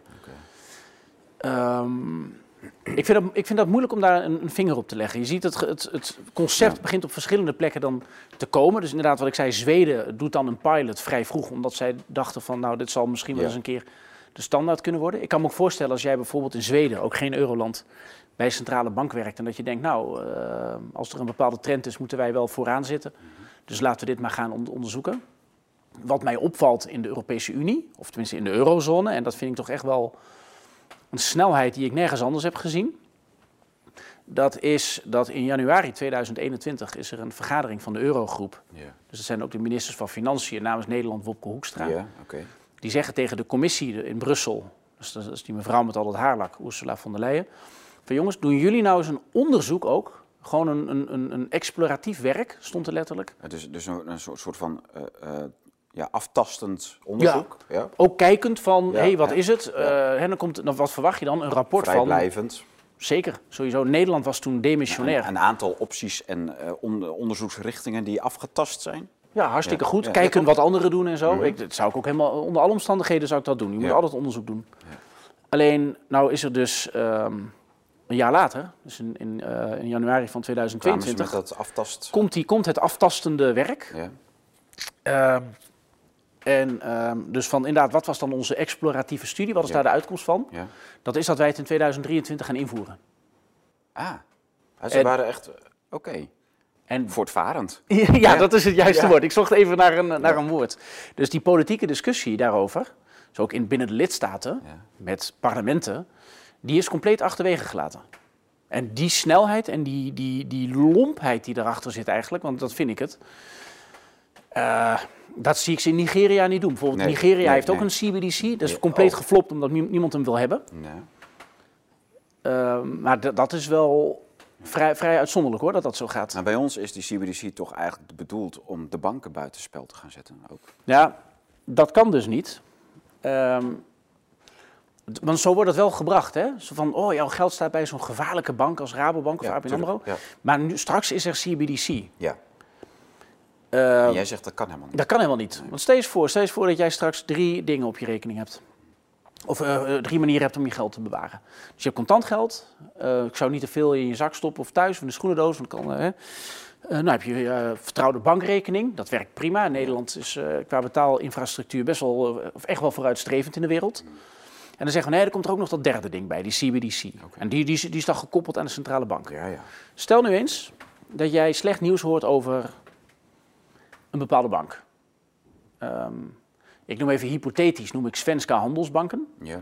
Ehm, dat is een heel gek voorbeeld. Je staat echt op een randje van omvallen. Of een randje, Ja. dat is de gezondste bank van Europa. Dus, Ja, dus ja, dat ik nu zeg dat Svenska daar... Ja, dat, Dat is echt heel- heel vreemd dat ik dat- Precies. Ja. Dus er zijn andere banken, als ik die zou Maar noemen. stel je voor. Ja, stel je voor dat iemand hè, maakt zich dan zorgen over... Ja. oh, mijn geld staat bij Svenska. Ehm, dan kun je het vroeger, of vroeger, ten tijde van Dirk Scheringa... de mensen die het wilden pinnen, Precies. hun geld... Ja. die moesten eerst nog naar de pinautomaat... en was die pinautomaat praktisch leeg. Ja. En dan moesten ze eh, na het weekend wachten tot die weer was aangevuld. Ja. En dan kon die rij weer verder gaan. En dat was je bankrun. Moet je nou eens voorstellen dat, dat CBDC, dat dat de eigenschappen heeft van cash. Maar het is digitaal, dan kun je het met een miljoen mensen kun je het in een seconde overboeken. ja. Dus je kunt binnen een seconde kun je een bankrun veroorzaken. Dus- En dat zou, die, dat zou die ECB, die zo druk bezig was met het redden van banken en het financiële systeem, die gaat dus een tool bouwen waarmee jij, als jij wil, gewoon binnen, eh, binnen een, minuut kun je een bankrun organiseren. Dus we hebben eigenlijk al die tijd... Dat kan toch niet? We hebben eigenlijk de, al die tijd zeg maar, de verkeerde tegenstander voor ogen gehad. Wij dachten altijd van nou, die banken die zijn met rare dingen bezig. Dat zijn ze ook, maar die zijn overgecrediteerd. Ja. ja. Maar eigenlijk eh, kijken we dus naar een koep van de centrale bank. Zeker Ja. de, de ECB. Ik vond dat heel opmerkelijk dat Maxima, die gaat dan naar de... Ja, ja die, die trapte de marketingtour af. Hè. We, we- we hadden Ja, die, nummer- ja, die ging naar, de, we naar hadden, het we hadden IMF. dat nummer Ja. in september uitgebracht. En wij wisten al, dit komt dit najaar. Dus de, eh, de- en dat, zo hebben we het ook aangekondigd. U weet er nog helemaal niks van, maar die CBDC's die gaan in het najaar heel belangrijk worden. Ja. En dat nummer kwam uit. En twee weken later begon Maxima weer over de, in één keer over de CBDC's uit het niets. Nee, dat was ook, maar er is ook aangekondigd al in, uit mijn hoofd juli, volgens mij, staat in het boek, dat op 23 november 2022 komt er een heel groot Kamerdebat. Ja. En waar de Tweede Kamer eh, zich eerder unaniem tegen heeft uitgesproken. Oké, dat is bijna dus. Dat is het, eh, ja. Twee weken. En dat is het principe dat CBDC dat dat programmeerbaar moet zijn. En eh, nu bestaat de. Wat houdt dat in, programmeerbaar? Programmeerbaar wil zeggen dat de centrale bank bepaalt wat jij met dat geld moet doen. Of kan doen. Ja, echt. Dus je, ma- je mag het alleen maar bij vooraf goedgekeurde doelen besteden. Eigenlijk wel. Ja. Maar een digitale transactie, en dat is gewoon je mag kenmerkend voor niet digitaal met geld. de CBDC bij de blauwe tijger betalen. Ja, Weet je, of, eh, ik, zal het, ik zal het zo sterker zeggen, je mag niet eens met CBDC nee, bij de blauwe tijger betalen. Dat is verboden bij deze. Ja. Dat is wat je moet doen. Je mag gewoon met contanten, vind ik. Ja. Even praktisch regelen, maar dat is, dat is veiliger. Maar ja, daar Maar die- moeten we straks even over hebben. De florijn en zo, die alternatieve munten. Ja, dat is allemaal gekkigheid. joh. Nee, ik- maar dat vind, ik- vind ik wel prima als je dat... eh, Even, ja. Ja, maar dit is een belangrijk punt. Stel nu, stel nu dat je een CBDC zou maken. Dus, dus Christine Lagarde die zegt, nou, oké, we, maken een we maken centrale bankgeld dat eigenlijk geen doel dient. Wordt ook wel eens gezegd, centrale bankgeld, eh, CBDC, daar kunnen we geen virussen van overspringen. Staat ook op de website van de ECB, Ja. contant geld wel. Het- is niet waar. Het Lijkt wat nee, ingewikkelder te zijn, maar ik, ik, dat moet een dokter dan maar... contant eh, geld kan geen virus eh, verspreiden. ja, dat, dat staat wel op de si- site Ja, van de ECB. Maar dat kan dus niet. Dat is dus eigenlijk Nee, helemaal niet waar. nee. Maar door het zo op te schrijven, kijk, als jij echt bang bent dat virussen overspringen van contant geld. En je wil daarom CBDC, dan is CBDC dus wel degelijk een vervanger voor contant geld. je zal maar een virus in je crypto wallet hebben en je CBDC's zijn in één keer weg. Ehm, ja, dat kan ook. Komen we op cyberveiligheid, moet je onthouden. Maar wat is, wat is nou het theoretisch, gewoon fundamenteel fout aan die di- hele discussie, hoe die nou wordt gevoerd en hoe de Tweede Kamer er eigenlijk ook een beetje instinkt. Dus die Tweede Kamer die ziet van, nou, er komt centraal bankgeld aan dat programmeerbaar is. De centrale bank zou bijvoorbeeld kunnen zeggen van, ehm, je krijgt 10% korting. Dus je krijgt 10% extra CBDC als je het binnen een bepaalde periode uitgeeft. Ah. Want daar was het om te doen. Die centrale bank die wil de economie in kunnen. Ja, moet Ja. in roulatie. Dat Ja, moeten ze kunnen dus sturen. dat kunnen ze op die manier aanjagen. Ja, maar dan bepaalt de centrale bank dus wat jij met je geld doet. Ja. En daarvan zei zelfs de VVD en D66. Die, zou, die zeiden zelfs van, nou, dat gaat zelfs ons een beetje te ver. Dus die hebben toen een motie. Maar dan kun je op- toch het hele ministerie van Financiën opheffen? Dat Ja. is toch geen... Nee, maar dan ga je dus naar je superstaat toe. En dat is eigenlijk wat hier gebeurt. En dat zien mensen dan niet. Nou, het mooie is dus dat, die, dat de Tweede Kamer toen zei van... nou, dan gaan we op papier zetten dat de ECB dat niet mag doen. Dus CBDC En dat, is dat in potentie... dan ook, hè? Toch? Ja, maar dat is papieren werkelijkheid. Ik Ja. noem dat altijd de veganistische tijger. Zo van, eh, we zetten op mooi. papier dat jouw tijger... eh, Ja. Die mag hè, niet die heeft- bijten. nee, die mag niet bijten. Die van die klauwen, je ziet die tanden, zintuigen naar voren gericht. Dat is een roofdier. Nee, maar het is een vegan. Is Een vegan, eh, vegan tijger. Ja, ze hebben wel papier afgesproken. Ja, en wat, wat doet Maxima nou? Dan gaat ze naar dat. ehm, eh, maar moet je nou eens voorstellen, en dat is dus een theoretisch probleem hier. Moet je nou eens voorstellen dat Christine Lagarde gewoon luistert naar de Tweede Kamer. En zegt van oké, dan maken we de CBDC niet programmeerbaar. Dat betekent dat jij straks, wat ik zei, contant geld hebt, geld op je bankrekening. En jouw tegoed op jouw CBDC, stel dat dat 100.000 euro is. Ja. Ik weet niet wat je, maar stel dat. Ehm, dan zou jij dat zonder enige beperking direct heen en weer kunnen overboeken naar waar jij wil. Maar je kunt dus ook 100.000 euro vanaf jouw bank naar je CBDC-rekening eh, sturen. Ja. Dat zou moeten kunnen. Ja. Maar dan heb je dus die bankrun. Dan heeft de ECB dus een tool voor jou Precies. gemaakt waarmee jij een bankrun. Dan zou een, een, een beetje een querulante blogger of een journalist, die zou ook iets naast kunnen zeggen. En die kan Ja, dat hebben wijze van spreken. Maar geen En bank wat- wil dit dus. Nee, en weet je wat Maxima toen zei? Nou. Van nou, dat moeten we voorkomen. Oh. Ze zei van, wij moeten nu dus beleidsmaatregelen nemen. Policy reform, waarmee dit on- onmogelijk wordt gemaakt. Ja, ja. Dus als jij die C- CBDC hebt ehm, en jij wil bijvoorbeeld al jouw geld eh, op één dag overboeken vanaf de centrale, vanaf je reguliere bank, waarvan jij misschien terecht denkt Ja. dat er iets gebeurt, Ja. dan moet jij dus beperkt worden. Dus Maxima, die eh, communiceert het regeringsstandpunt over dit thema, nog voordat er een Tweede Kamerdebat is geweest. En daaruit kun je opmerken, hè, want zij zegt dan van ja, je moet dus niet zomaar alles eh, kunnen overboeken. Dat is dus programmability. Ja. Dus die wens van de Tweede Kamer, de motie die ze Dus hebben aangenomen, die is al geschonden. Ja, en het zit, het zit ook ingebakken in die CBDC's dat, er gewoon, ehm, dat het programmeerbaar moet zijn. Dat is het Ja. hele idee, want Ja. dat is dus het verschil met contant geld. Ja. En dat Ja, is inderdaad, helder. en daarom vergelijk ik het met de, de veganistische tijger. Dat wordt gewoon een teleurstelling. En, en. Maxima heeft dat dus al eh, ook aangekondigd. Dat kan zij niet doen zonder goedkeuring van eh Kaag en Rutte. Van, ehm, ja, we zitten toch wel met die... eh, Ja, ja, ja. en daarmee red je ook die. Daarom is dit ook geen bedreiging voor de, voor de transformatiefunctie, hè, zoals het heet, van, van die andere, van die oude banken. Die, die, dit is helemaal geen concurrent voor die banken. Want als er te veel geld naar die CBDC gaat, eh, dan, dan drukt de ECB op een knop en dan ben jij beperkt in wat jij met jouw app kan doen. Ja. En dan zitten we dus in een wereld met controleerbaar, Precies. met programmeerbaar geld, waarbij een ongekozen instituut, want je kunt geen notulen opvragen van ECB-vergaderingen. Nee. Het gebeurt allemaal achter gesloten dat- dat deuren. Journalisten kunnen geen echte vragen dat stellen. geldt voor de nationale Nederlandse bank toch eigenlijk ook al. Dat dat een vrij autonoom, onverkozen gebeuren is. Of oncontroleerbaar gebeuren. In wezen wel. En dat is ook bewust gedaan om te voorkomen dat hij eh, gekke dingen doet met geld in de waan van de dag. Ja. Alleen wat er nu gebeurt is dat die ECB die is wel degelijk politiek geworden. Want die moet dat hele europroject bij elkaar houden. En die is bereid heel ver daarin te gaan. En die rekt dat mandaat ook op. Ja, dus de Dus ECB mag bijvoorbeeld niet monetair financieren, zoals dat heet. Die mag het ene land ook niet voortrekken ten opzichte van het andere. Mag ook niet zeggen, ik ga meer van jou kopen dan van dat land. Maar die centrale bank die doet dat gewoon. Dus die gaat over elk mandaat heen. Dus dat gaat hier ook een keer fout. En wat is dan het belang van de EU-commissie om dan in één keer met een wetsvoorstel te komen dat dat in 2023 eh, gebeurt, terwijl eigenlijk Christine Lagarde de enige is die ervan profiteert en niet de commissie? Nou, kijk, die commissie die heeft, die, heeft een, zijn een aantal redenen waarom die commissie dat wil. Kijk, ten eerste, die centrale bank die moet eh, extreme middelen hebben, blijven houden en nieuwe middelen krijgen. Ja.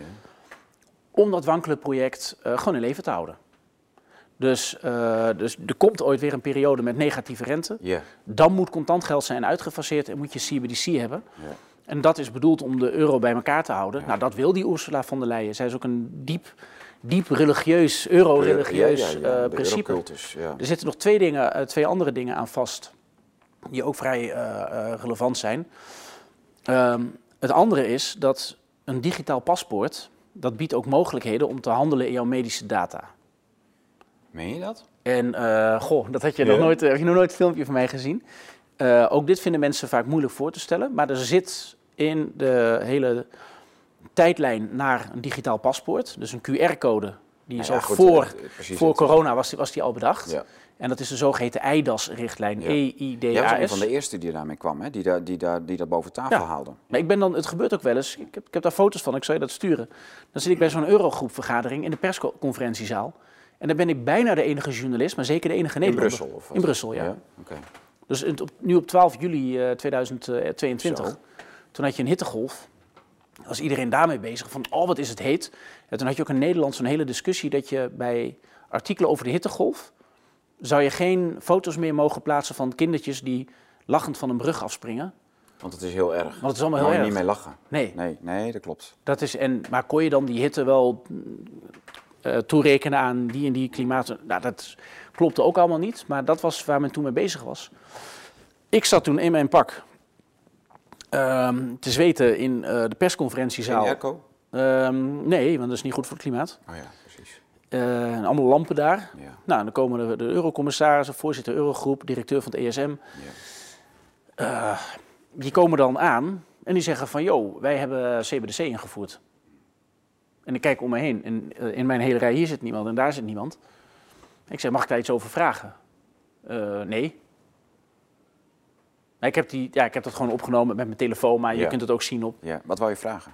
Ehm, nou, ik wou de, de directeur van het ESM, Klaus Rekeling, die zat daar ook bij. En ehm, die zei ook wat van, ja, nou er zijn een paar dingetjes die we besproken hebben. Eén is CBDC, ander is ehm, de, eigenlijk de nakende nieuwe eurocrisis. Want die, die economische statistieken die zijn echt verschrikkelijk. Maar die van Duitsland nu ook, hè? Want Duitsland is een, een energieimporteur. Heeft zijn eigen kerncentrales, kolencentrales gesloten. Precies. Heeft zichzelf afhankelijk gemaakt van Poetin. Ze hebben Ja. Poetin zelf groot Dat gemaakt. klopt. Dat is op aanvraag van Duitsland allemaal gebeurd. Dat heeft, Duitsland heeft dat zelf gedaan. Ja. En ehm, daardoor heeft Duitsland nu eh, dat hele handelsoverschot van Duitsland, dat ze hadden dankzij die euro, dat is verdampt. 30 jaar werk, dat is gewoon kapot. Echt? Ja, Zo. Duits- Nederland heeft nu meer handelsbalans dan Duitsland, terwijl hun economie vijf keer zo groot is. Zo hard wordt die industrie getroffen door die energieproblematiek. Dus dat is niet alleen maar een gevalletje Deutsche Bank die al een paar jaar Nee, dat, is, dat, is, dat doet wat meer pijn. Dus, Ja, ja, En hij zei toen, dus die regeling zei van, nou als je dan bijvoorbeeld eh, de handelsbalans van Griekenland bekijkt, nou die, was toen, die is nu echt wel beter dan bij toen Lehman Brothers viel. En toen wilde ik dus vragen, maar ik zei twee dingen. A, heeft u die van uw eigen Duitsland gezien? Ja, Nou, dat kon dus niet. nee. Ik wilde nog in de... Maar jij was een van de twee journalisten die er zat. of? Ja, er, waren, er was ook nog de Financial Times, die mag Ja. altijd als eerst. En die stelt dan een, een vraag op de persoon. Ja. Zo van, u gaat opgevolgd worden, hoe ziet u dat? Ja, ja. Eh, boeien. ja, hij gaat met pensioen, eh, dat zal wel. Ja, dat is weer, ik, ik dat is niet meer zorgen. Ja, de eerste vragen. En dan nog een paar keer diezelfde vraag. Dus de Financial Times die is alleen maar... Altijd als eerste. En, maar, Ja. en, en dus er is een inhoudelijk eh, bommetje gevallen hè, op zo'n op zo'n persconferentie. Ja. En de Financial Times die, is de, de- die vraagt dan gewoon, dus de, het financiële blaadje ter wereld, die Ja. gaat dan vragen, ja, maar... eh, Van, van gaat- u werd opge... Want er, was, Ja. er zou toen ook een opvolger worden gekozen. de- tijdens die top. En dat was mislukt. Oké. Want er was wat politiek gekissenbis. Want Kaag wilde die. En Ja, maar dan is dat toch Italië een- wilde geloof ik iemand Dat anders. is toch een gekochte journalist dan? Ik bedoel, als Nee, is- journalist moet je toch gewoon de vraag stellen die je toe doet op de inhoud die bij zo'n persco eh, Ja, maar ik weet niet wat gekocht is. Ik weet, als we zeggen hij is gekocht, dan moeten we ook weten wie dan koopt. En dat weet ik allemaal niet. Nee, Wat ik wel zeker maakt weet. niet uit. Maar en, de eh, vraag is natuurlijk absurd. Je kunt de vraag stellen, dat is waar. Die, en die vraag is ook echt heel stom. En die werd ook zes keer herhaald. Dus iedereen zei van, maar hoe denkt u over uw opvolging? En hij zei zoiets van, ja, nou, dan, eh, ik blijf wel zitten en ze vinden vast wel iemand. Oké. Dat is ook zo. Het is een Duitse ambtenaar, kom op, zo belangrijk is die ook niet. Maar het viel me op dat niemand dan vraagt van, oké, nou, CBDC heb je besproken. Ja. Ehm, ik wilde wat vragen, maar dat kon dus niet. Waarom mocht jij niet? Weet ik niet, toen zei ze, ja, vragen zijn voorbij. Nee. Maar er waren nog twee mensen in de zaal die niks hadden kunnen vragen. Want er waren echt maar een paar, paar journalisten. Ja. Dus zei, dan toen zei ik dat van, ik zei, er is nog één iemand, kun je mij even niet... eh, de systeemkrantjes die kregen allemaal hun vraag. Ja. En dat ging allemaal over de opvolging van de rekening. allemaal over de opvolging. En de vraag die ze hadden moeten stellen, vind ik, is... Ja. Nederland heb je een kabinet. Kabinet doet in digitale zin afschuwelijke dingen. Je hebt de toeslagenaffaire, dus je krijgt algoritmes die door gegevens van Ja. mensen gaan... Hè, die gaan data zien als opsporingsmiddel. Maar dat is nieuw. Ehm, dat, maar dat hoort bij de nieuwe Ja, digitalisering. dus ze hebben eh, kunstmatige intelligentie die met een zelflerend programma eh, eh, ja, fraudeurs opspoort. Ja, precies. En dan zeg je dus van als wij Turken veel vaker, dus een Turkse achternaam, als we dat veel vaker als signaal van fraude zien, gaan we ze ook veel vaker eh, als verdachte zien. Daardoor gaan we er meer veroordelen, ook relatief vaker ten onrechte. Ja. Maar dan heb je wel een, een, een, een veroordeling met een Turkse achternaam en dan leert jouw algoritme van, hé, hey, je moet op Turken letten. Ja. Dat is een flagrante schending van artikel 1 van de grondwet. Dus dat is heel Kaag vindt dat prima. Dat is uiterst discriminerend. Als je dan toch zorgen maakt om dingen, zou ik daar eventjes naar kijken. Ja. Daarom dat- is die, maar let op wat er gebeurt. Die regering is demissionair om die reden. Treedt af.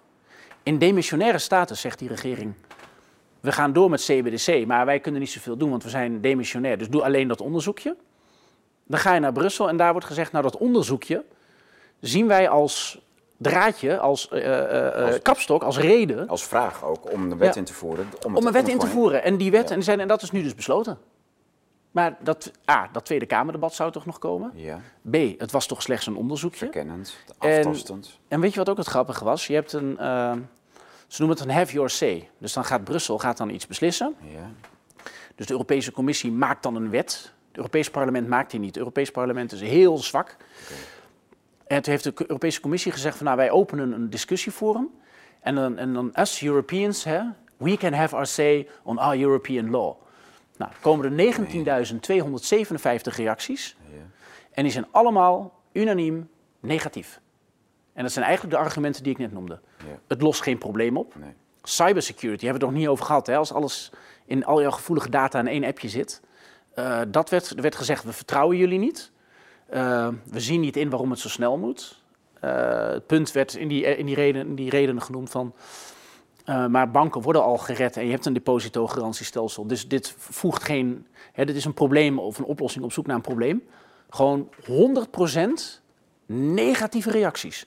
Dus je zegt van, hé, hey, wij willen de Europese burger erbij betrekken. Tja, zeg. 19.257 nemen de moeite een reactie in te tikken. Ja. En daarvan is er niet één positief. Maar dan had die commissie zelf gezegd van, nou, wij gaan vaker zo'n have your say doen. Want dan maken we die wet samen met de burger. Nou, de burger zegt, We willen het. willen die stomme wet Maar niet. ze maken het toch. En dan rammen ze dat dus door. Het En dat wilde ik vragen. Van, waarom doe je dat? Ja, ja, ja. ja. Waarom heb je dan Ja, die have your say? Wat een goeie. Ja. En ik zeg wel eens gekscherend uh, dat uh, Ursula von der Leyen is hier groot voorstander van. Dus het hoofd van de uitvoerende macht, dus je hebt een ongekozen hoofd van de uitvoerende macht in Brussel. Zij maakt wetten, het Europees Parlement maakt geen wetten. En dat is gewoon een Duitse keizer, zoals je die vroeger had. Zij had, bij wijze van spreken, bij wijze van spreken haar beste vriendin kunnen bellen. En dat is Angela Merkel. Dan zegt ze, hey Merkel, jij bent afgetreden, je hebt zeeën van tijd. Ga nou even naar mijn website. Doe gewoon één, weet je wel. Ja, één positief. en zelfs dat hebben ze niet gedaan. Nee, en zo weet je dus dat die, dat ze zijn die nog meting... ook eigenlijk. Ja, of eerlijk. Ja. Ik bedoel, kijk, als het 100% positief was geweest, hadden wij gezegd, ja, dit is niet, dit is geen zuivere koffie. Maar dat iemand gewoon voor 100% wordt afgeblaft ja. en dat wel publiceert, dan weet je dat het eerlijk is. Maar Europeanen, dat is het belangrijkste, maar denk ik, ook, die willen dit niet. Nee, maar dat kan dus ook een intimidatiepoging zijn. dus dat ze gewoon eigenlijk keihard ons in ons gezicht uitlachen. Van, jullie mogen echt met z'n tienduizenden wel zeggen dat, we, dat jullie het allemaal niet willen. Wij rammen door. We gaan gewoon door. Ja, ja, dat is het. En dat moment dat dat wordt aangekondigd, ben ik de enige die daar wat over publiceert in Nederland. En in België. Terwijl die Europese Commissie in België staat. Want ik zat te kijken wie die andere journalisten waren en wat zij hebben opgetikt over, die, over deze specifieke vergadering. Ja, En dat artikel van mij, dat had uit mijn hoofd 100.000 uh, uh, lezers. Vind ik best veel. Dat is veel. Voor een, voor, voor een. Een, maar een gelezen artikel of 100.000 keer, dat is heel veel. Ja, maar er zijn 18 miljoen Nederlanders bijna. Ja. En van die 18 miljoen ja, ja, hebben er honderdduizend het gelezen. Ja. Dus er zijn op de 180. Ja, laten we zeggen dat, dat 16 miljoen sowieso niet in staat zijn om het te lezen. Het zijn kinderen of begrijpen de terminologie niet of ze zijn te oud. Of, hè, maar laten we zeggen dat er, dat er 4, 5 miljoen mensen zijn die jouw stukken zouden kunnen lezen. Ja. Dan nog is het, ja, ik, ja, ik vind het op zich, uh, ik, ik ken de kijkaantallen en de leesaantallen van blogs en video's. Dus honderdduizend vind ik een prima prestatie. Nou, als je, dit nou als, als, als, ja. eigenlijk had je 2 miljoen moeten hebben. Maar waarom zit het NOS-journaal en RTL Z daar niet? En, uh, en al je kwaliteitskranten. Ik, ik, ken iemand, ik was daarna was ik op een uh, beetje een kakineuze borrel op de grachtengordel. Ook dat doe ik, zeg ik erbij. Ja. En er was ook iemand die mij dan een beetje volgt en die zei van, nou je bent wel extreem hoor, wat je nu net zei, dat klopt niet. En dan zeiden ze dat ook van, ja, maar het stond niet in het NRC. Ik lees het NRC van, voor, van, van haven tot gort, van voor tot achter. Stond er niet in? Oh, stond er niet in. Ik zei, nee, maar er zat ook niemand. ik was de enige. dat, is mijn, dat is mijn hele probleem. Dus ik, ik geloof ook niet in de harde complotten, zoals men dat zegt. Van, uh, hè, ze... Nee, jij bent meer van, uh, het is gewoon stom toeval, het is domheid, het is doormodderen. Het is sowieso doormodderen, het is kortzichtigheid, het, is, ook, het is ook luiheid. Ja. Want de burger is er eigenlijk ook niet in geïnteresseerd. Je zou een medium kunnen hebben, uh, zoals een krant. Je kan ook gewoon uh, bijvoorbeeld als je NRC, en het, niet het NRC, maar NRC Handelsblad. Ze, ze hebben dat als marketing slogan gedaan, het NRC. Wij zijn het NRC. Maar je kunt ook als lezer van NRC Handelsblad zeggen van... waarom heb je daar geen journalist zitten die dat even verslaat? Alleen er is een soort desinteresse, waardoor dat niet wordt gevraagd. En dan is dat weer duur. En dan, ga, dan zet je die paar journalisten die je nog hebt, die zet je dan op transgenders en pepernoten. Ja, ja. Weet dat, is, dat is een beetje, dat is een beetje hoe dat gaat. maar het is wel openbaar. Je loopt zo naar binnen en dan wordt daar een bommetje gedropt. Er werden nog een paar bommetjes gedropt. En de statuten van het NRC, die, uh, die hebben, er staat in dat zij de richtlijnen van het uh, Noord-Atlantisch Verdragsorganisatie uh, volgen. Als leiding, als, okay. als, leidraad voor het eigen handelen. Nou, als jij dat zegt, dan... Uh... staat in de statuten. Ja, dat is een keer boven water gehaald door Erik van der Beek. Is ontzettend interessant, als journalist. Oké. Okay. die dat tegenkwam. En dan weet je ook gelijk waarom NRC-journalisten over bepaalde dingen niet schrijven. Of maar wel. dat, dat geloof ik niet. Daar, ben ik, daar ben ik niet van. Ik denk dat het wel belangrijk ik weet, is. Ik heb bij een aantal ook redacties gewerkt waar je tegenaan loopt. En dat is een, uh, dat, dat is een, een negatieve spiraal, de nieuwsspiraal waar je in zit. Dat is dat de Nederlander een bepaalde hang heeft naar oppervlakkigheid. Um, dat zijn de plasfilmpjes van Patricia Pai. Dat is uh, Glenda die de Jumbo in elkaar beukt. Dat zijn je best gelezen artikelen. Um, die artikelen die worden gefinancierd met advertenties. Ja. En dat betekent dat platheid scoort. Dus als jij een heel diepgravend onderzoek hebt over uh, een, een natuurkundig onderwerp of CBDC, wat gewoon veel tijd en geld kost om te schrijven, daar maakt een redactie verlies op. En op een gegeven moment merken ze dat als ze dat weglaten, dat dat geen lezers kost. Ja, ja. Maar ja, ze zijn allemaal wel in lezers achteruit gegaan tot en met de Telegraaf aan toe. Nou, ik zou, ik zou tegen ook die grote kranten eens willen zeggen van... Oké, we hebben nu het zoveelste stuk gehoord over, uh, uh, over ijsberen en, uh, Noordpool. en, en regenboog... Um, um, en regenboogzebrapaden. Ja. was ik las Ja. laatst iets in de krant dat een, dat een school had een regenboogtrap. Trap, ja. En dat was dan weer niet goed. En dan waren de ouders... eh, le- ja, En dan was de schoolleiding uh, elke verontwaardigd. krant gaat daarheen. Elke krant, elke... eh, ehm, eh, ja, toch journalist die zegt Ja. van... hé, hey, ik ben een beetje progressief, ik wil dat En verhaal brengen. interviewen. Iedereen gaat juist Ja. hem. Dat is, en dat is dan het grote nieuws. En Maar ze hebben dan toch wel door dat geen hond dat leest en wil lezen. En dat eigenlijk iedereen het steeds meer zat wordt, dat, dat regenboog. Nou ja, dat is eigenlijk, eigenlijk wel een beetje ja. Dat, dat, dat begint wel te komen. Dus ik zou eh, dan tegen mijn collega-journalisten willen zeggen van... ga dan eens wel een keer naar die, naar die zaal in... eh, Ja. Naar, naar, die persconferentie. En dan zie je de dingen die gebeuren. De dalende kijkcijfers en oplagecijfers van kranten is echt al acht jaar aan de gang. Echt dramatisch al. Ne Nou, in, in, die, in die tijd is dit allemaal ge- Ja, gebeurd. Precies. En ze, maar hè, volgens jouw logica zouden ze zeggen, zou je zeggen van nou dan moeten die journalisten toch een keer achter de oren krabben en misschien wel een keer naar, de, naar Brussel een, eh, een, een, een journalist sturen om daar bij die persco's aanwezig te zijn. Dat, ehm, Om voor het echte nieuws. Ja, zoals over inflatie bijvoorbeeld. Hey, 17% inflatie. Dat, dat denk ik ook. Maar bepaalde kranten die Ja. zijn ook in cultureel opzicht echt wel helemaal vastgeroest. En die, en die kunnen dat niet. Maar dat is, ik weet ook van, eh, van, van de wereld van de journalistiek van binnenuit. Dat klinkt heel spannend. Ja, maar jonge, Maar jonge aan- jonge platforms, de correspondent, ehm, wat heb je, Follow the Money, Ja. die, die pakken er eigenlijk ook niet zoveel van. Nee, ook die zijn vaak wel gevangen in, eh, in, die, in die ideologische ja, berenval. Ja. Kijk, wat, wat er sowieso met die anderen gebeurt, maar dat geldt ook voor RTL Nieuws, is dat zij met hun adverteerders zitten. En, ehm, Dat klopt. eh, en die adverteerders die willen gewoon een bepaald geluid hebben. Dus Ja. het idee van het RTL Nieuws is dat jij het kijkt en dat Ja, jij dan eh, gaat kopen wat er in de... Dus dan zou je in die zin van een gekochte journalist kunnen spreken. Ja, daar zou je dat kunnen noemen. Wat dat betreft zijn de, de FTM en de correspondent, dat zijn er gelukkig wel, eh, daar zouden ze het wat, wat anders kunnen beginnen te doen. Maar wat mij betreft is het echt bizar dat op het moment dat er wordt gezegd van 19.257 Europeanen sturen een reactie in over een beslissing die is genomen door een demissionair kabinet en dat om die reden enkel een advies inwinnen, adviesaanvraagje betrof, Ja. dat dat een wet wordt waarbij ook contant geld feitelijk wordt afgeschaft. Daarna moet je, ontstaat ook de situatie dat al jouw transacties dus feitelijk digitaal worden gemonitord. Dat is recentelijk ook aangekondigd dat Kaag dat voor alles boven de 100 euro wilde. Ja, Nou, dan ga je ook op een gegeven moment naar alles onder de 100 euro. ja tuurlijk. Al Ja. die stappen die worden, die worden letterlijk gezet, gecommuniceerd, zonder, eh, zonder enig overleg met de Kamer.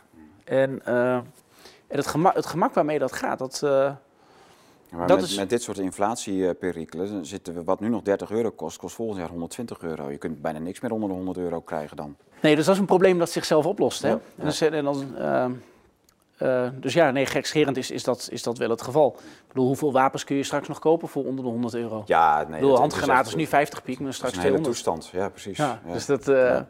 Ja, maar, Maar- jullie eh, in, in Mokrodam, ja, kun je nog eens wat onder de tafel krijgen of niet? eh, een Kalashnikov? Ja, Ja, dat, dat, dat moet wel. maar dan kom je wel boven die 100 euro uit die, die, dat, je opvalt. Ja, maar goed, maar, maar, dat, dat, is, dat is wel je toekomst. Ja. Dus dat, ehm, dat jij, jij wordt gemonitord. Jij bent onderwerp eigenlijk van een strafrechtelijk onderzoek, ook al is het slechts een algoritme. Mhm. Maar goed, hè, ik, ik val slechts in de steekproef bij een algoritme. Zo ging dat ook met die toeslagenouders fout. Ja, ja, ja. Dat wordt wel de toekomst eigenlijk, eh, waarbij al jouw transacties dus als eh, ehm, draadje, kun- een kapstokje kunnen dienen om een strafrechtelijk onderzoek te beginnen. Ja. Dus iedereen is constant verdacht. Ja. En dan ga je eigenlijk wel naar een soort China toe. Ja, maar, ja, En als maar je dan dit, de ins en outs wil weten... verdacht. Eh, die, dit, dit is echt een echo voor mij. Kijk, want toen, toen wij dus op, op een gegeven moment die identificatieplicht kregen op straat, was ook al wat mensen zeiden, ja, je bent eigenlijk gewoon permanent verdachte. Je moet voortdurend jezelf kunnen laten bewijzen van nee, ik heb niks gedaan, ik heb dit niet, ik heb zus niet.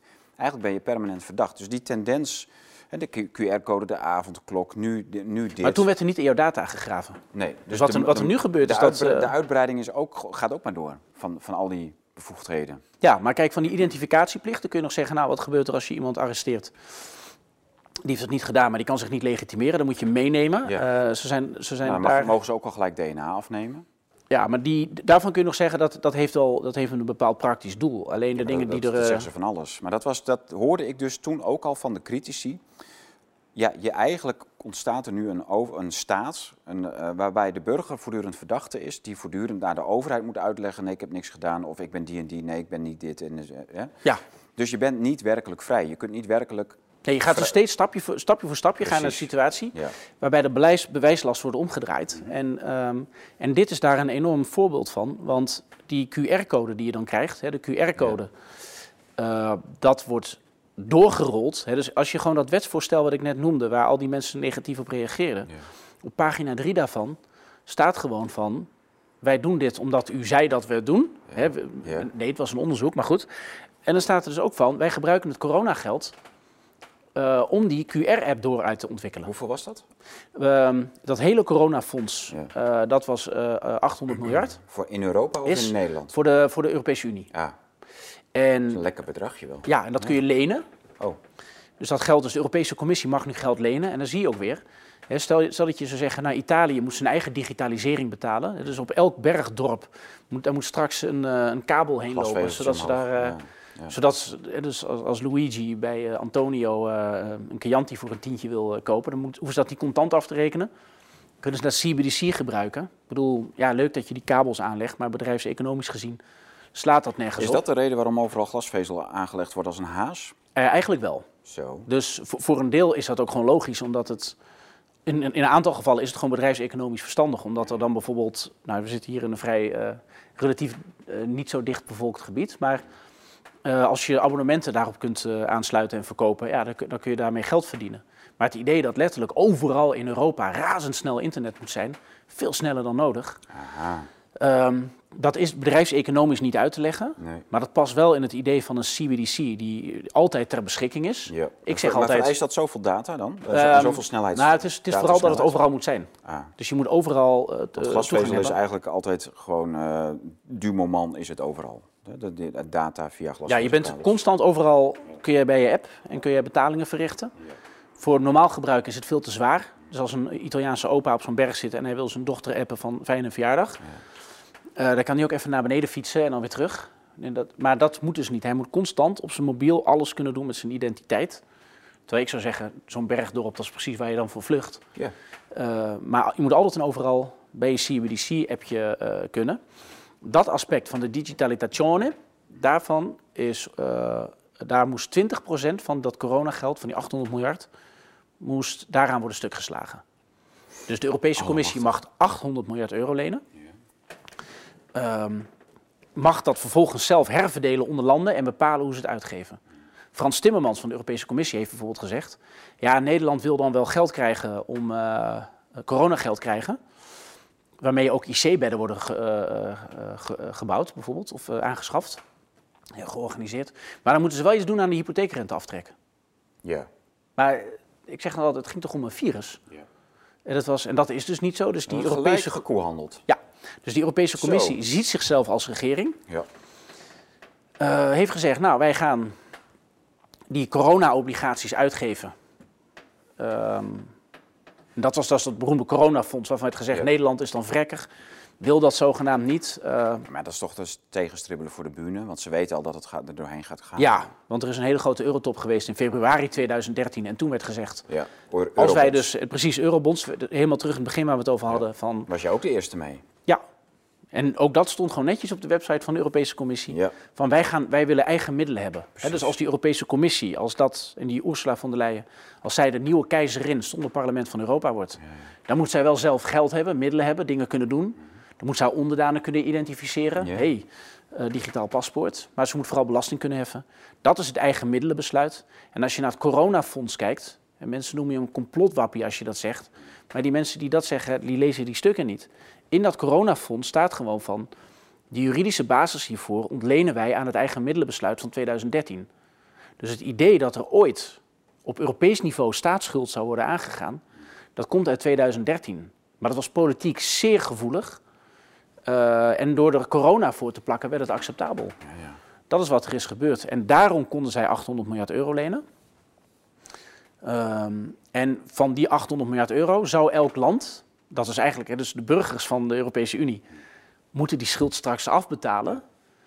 Uh, maar die Europese Commissie zegt nee, maar jij krijgt dan geld. Jij mag bijvoorbeeld, Nederland, Nederland mag bijvoorbeeld 67 IC-bedden bouwen. Terwijl het Nederlands aandeel in dat fonds is 42 miljard euro. Dat is, uh, even kijken hoor. ongeveer 600 miljoen per 5%. Ja. Ja, 5% van het fonds komt voor rekening van Nederland. ja we- iets meer. Maar dat is, omdat, dat is ons aandeel in de, Zes, ja. in de economie van de eurozone. En dus dan krijgen we 67 IC-bedden. Dat is dus zes- eh, dik 600 miljoen per bed. Dus dan gaan we van 1100 naar 1167 bedden. Ja. Nou, dat, dan had je die 42 miljard ook efficiënter kunnen besteden voor de zorg. Ja. Eh, alleen wat gebeurt er nou? Je krijgt dat geld pas als je belooft dat je 20% in digitalisatie steekt. En daaruit, daaruit financieren die lidstaten de opvolger van de QR-app. En die QR-app heb je nodig voor je CBDC. Want CBDC is een inlogsysteem. En dat staat dus letterlijk in dat Dat is wetsvoorstel. een soort DigiD. Dat is gewoon een nieuw Europees DigiD gekoppeld aan geld. ja, ja. Dus je krijgt straks bij wijze van spreken een Europees DigiD met daarin een bankrekening. ja, ja. Waarbij cybersecurity experts zeggen, als iemand dat hackt op zo'n schaal met zoveel Nou. aspecten van jouw identiteit in één wachtwoord, dat moet je überhaupt niet willen. Maar je had het ook over de verhandel- verhandelbaarheid van medische data binnen die Europese DigiD. Ja, dat is dan een volgende. Dat kun je er ook mee doen. En dat is al een, dat is al een grote wens die de Europese Commissie had. En ook daar wil ik wijzen op. Ik noem dat in het boek. Ik kan het, dit kan ik niet exact bewijzen, maar je kunt het wel, als je al die stukken analyseert en Ja. leest, dan zie je dat er na de eurocrisis is er een omslag gekomen. Tot die tijd was het altijd vrijblijvend. Er werd er gezegd van, joh, wat zou het handig zijn als dus een Portugese vrachtwagenchauffeur die rijdt naar Finland en in Duitsland knalt hij tegen een boom. Nou, dan moet in Duitsland de arts die moet dan eh, een ingreep doen, maar die kan Ja, het niet kan in het niet dossier zien. dossier, ja. Nee, zou het dan handig zijn als je daar iets voor hebt? En toen zei de Europese Unie, die, of de Commissie, die zei van het zou fijn zijn als wij dat zouden kunnen faciliteren. Ja, ja, Want dan helpen wij Europeanen. Maar zeiden ze wel bij van, maar eigenlijk ja, gebeurt het nooit. Want de, grensoverschrijdende Europese zorg is er niet. Omdat Europeanen, die, ja, die wonen gewoon in hun eigen land. Ik bedoel, Europeaan is niks. Nee. Dus die preambule van die tekst was dus echt van... nou, we gaan wat leuks bouwen voor de Europeanen. Hoeft allemaal niet Totaal te zijn. overbodig, niet, en er is geen vraag naar, geen behoefte aan. Nee, maar dus we faciliteren dit. Ja. En dan is er de eurocrisis en die bewijst dat die vrijblijvendheid niet kan. Een Europese Unie, Europese gemeenschap, economische gemeenschap met euro, moet gewoon een dwingende, centrale, herverdelende macht hebben. Ja. Dat besef komt rond 2012 komt dat binnen. Eh, dan zegt die centrale bank, nou wij zullen het eventjes volhouden. Intussen gaan jullie bouwen aan die federatie. En daarom komt in 2013 komt ook de, dat eigen middelenbesluit van de Europese Unie moet ook ooit staatsschuld kunnen maken.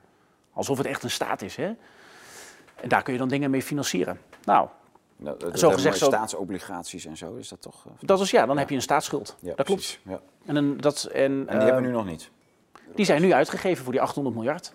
En daar wordt nu die QR-code mee, eh, dus de, de je digitale identiteit wordt daarmee gemaakt. Nou, en het grappige is, of ja, grappig, het is wel frappant, dat is dat die Europese Commissie zegt van, ehm, in, in, hè, dus het is een, een, een draadje aan juridische documenten. Ja. En dan wordt er in 2014 wordt dus die EIDAS-richtlijn ingevoerd. En die gaat dus over dat verhandelbaar maken van die data. En daarin staat dat de eerdere pogingen teleurstellend waren, omdat ze waren gebaseerd op vrijblijvendheid. Kijk.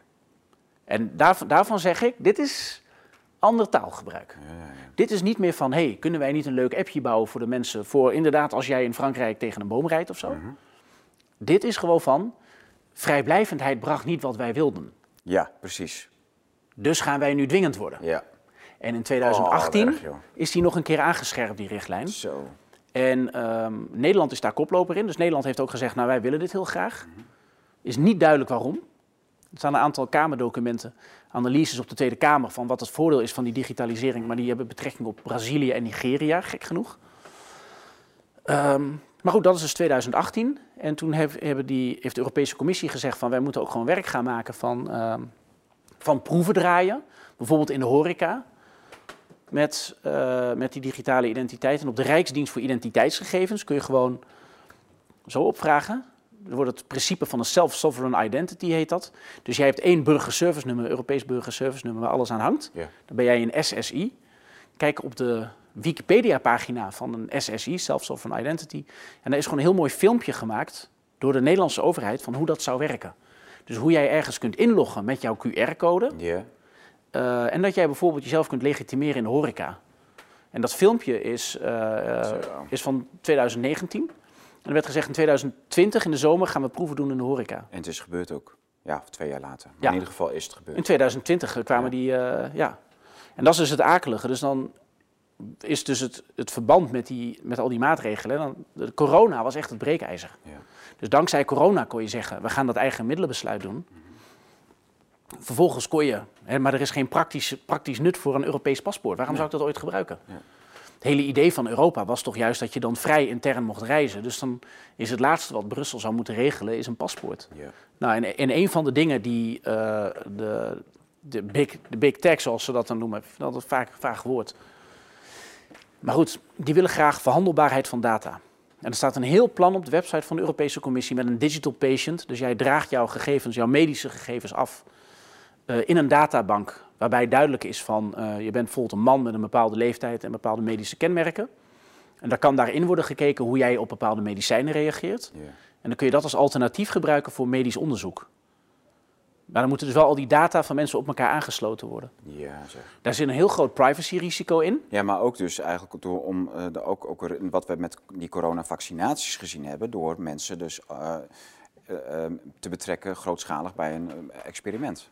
Ja, die durf ik niet aan. Nee, oké. Ik ga niet zeggen dat dat prikken het, het experiment was. Ja, maar dat is wel, wel wat je nu impliceert. Nee, wat ik, wat ik dus impliceer... het combineren van al die medische data, daar wordt eigenlijk gewoon eh, een, een, een medicijn op aangepast. Dat, ja, maar, die, maar die, als jij gevaccineerd bent of niet, dat is op korte termijn niet super veel informatie of super relevant. Die, de QR-code bij de vaccinatie, dat was eigenlijk een soort paspoort. En dat was eigenlijk gewoon de proef waarvan de Rijksdienst voor Identiteitsgegevens zei in 2019, maar we moeten eens een kleine proef in de horeca gaan doen. Ja. Alleen dat was nooit uit te leggen, want als ik een café heb in Amsterdam, waar ik al twintig jaar kom, En dan, gaat- dan gaat in één keer niemand meer naar binnen. nee, maar dan zeg ik van ik ben Arno en jij bent Henk. Dus je zet eerst Ja, dan heb ik zeg, nee, maar ik heb Ja. nu een appje Henk. Ja. Dan zegt hij, ja, ik weet toch wie je bent. Eh, eh, balletje gehakt, weet ik veel. Dus er was Dus echt, de, er is geen- geen reden voor, is echt gewoon aangegrepen om... Ja, De, de- eerst moest het hele land plat, iedereen thuis blijven en dan mochten ze naar buiten met een, hun QR-app. ja. En, in die, en in dat kielzog, en ik ga ook, als er dan nu een viroloog kijkt, straks komt die Mark van Rans weer en die zegt van, nou, eh, moet ik jij luisteren? Hè, voor deze en deze een ingreep was, eh, weet ik veel. Ik zeg, ja, maar die mondkapjes deden het echt wel. Ik ga me niet in dat virologische debat Nee, mengen. nee, precies. Maar, Maar- dat heeft voor dit debat ook helemaal geen zin. Maar je moet wel heel eerlijk zijn dat het coronafonds, het Europees paspoort, ehm, met daaraan gekoppeld data in eh, handel in jouw data. En dat heet een European Union Data Space. Kijk. En daar kunnen grote bedrijven die kunnen dan data van burgers kopen. Dus al jouw informatie zit dan in één database. Ja. Een deel daarvan, jouw medische informatie, maar niet je adresgegevens, want dan ja. wordt het privacy technisch lastig. Een deel daarvan gaat naar de European Union Data Space en daar wordt het verkocht. Precies. En jij moet een stukje geld daarvan krijgen. Want anders is het voor jou niet aantrekkelijk om jouw medische data te verkopen. Ja. En de Europese Commissie zegt van eh, dat proces kunnen wij veilig maken. Maar ik, ik zeg dan, want hoe weet je dan niet dat je per ongeluk ook Ja. mijn, de, de kolom met adresgegevens meestuurt? Ja. En de commissie zegt van wij regelen het zo dat het veilig wordt. Maar als je kijkt hoeveel dataleks er zijn, ja, je moet het maar vertrouwen, precies, gebaseerd op niks. En er wordt dan met, met spiegeltjes en kraaltjes wordt dat aanlokkelijk gemaakt. Hè? Misschien een basisinkomen erbij eh, aan wordt er aangehangen. Voor, hè? Als je alles maar doet wat zij willen, dan kun je eigenlijk al, eh, dan heb je eigenlijk al 1000 euro. Nou ja, Nee, je, kan dat bijvoorbeeld doen. Je zou bijvoorbeeld kunnen zeggen, we gaan straks een proef doen met CBDC. Ik denk dat het zo gaat. Je hebt een proef met CBDC. Dus er wordt er gezegd van, hey, leuk, een nieuwe app van de Europese Unie, klimaatneutraal. Eh, Eh, als je hem downloadt, en dan zegt iedereen van, ja, dat heeft helemaal geen zin. In Nigeria is CBDC uitgerold. Half procent van de mensen wil het maar. En dat zijn allemaal de mensen in de steden die het gewoon leuk vinden om een, om een gadget te hebben. Maar de mensen om wie het zou gaan, Zoals die, willen dat gekke- helemaal niet. Een paar gekke Zweedse tieners die zo'n chip onder de huid doen. Dat, dat soort dingen. spreken, Dat is, daar blijft het bij. Ja, Je kunt ja, het niet uitrollen. Nou, wat doe je dan in Nederland? Nou, Dus dan zeg je, nou, we hebben die app, die kun je gratis downloaden. En dan krijg je 100 euro korting op je boodschap als je dat doet. Dan denk ik dat er miljoenen of duizend, misschien 500, ik weet het niet, zeker als 250. het water aan de lippen staat, Arno. Want Ja. dat gaat wel echt eh, heel hard nu. Ja, en dan, dan ga je dus straks krijg je een journaaluitzending. Dan wordt er gezegd van, ja, maar sommige boze tongen, deze bar, hè, beweren dat CBDC eigenlijk niet thuis hoort in een democratie. En dan komt eh, eh, Greta uit, uit Venray, die komt dan op tv en die zegt dan van... ja, maar ja, weet, je, weet je, zij er wel hoe, duur het leven is? Ik pak die 250 piek. Ja. Het enige wat je straks hoeft te doen, en dat is dus de voorwaardelijkheid van dat geld, Ja. is dat je dan een- zo'n proef doet. dat bijdrukken van het geld via die CBDC, er staat geen echte waardecreatie tegenover. Dus dat zorgt voor nog meer inflatie.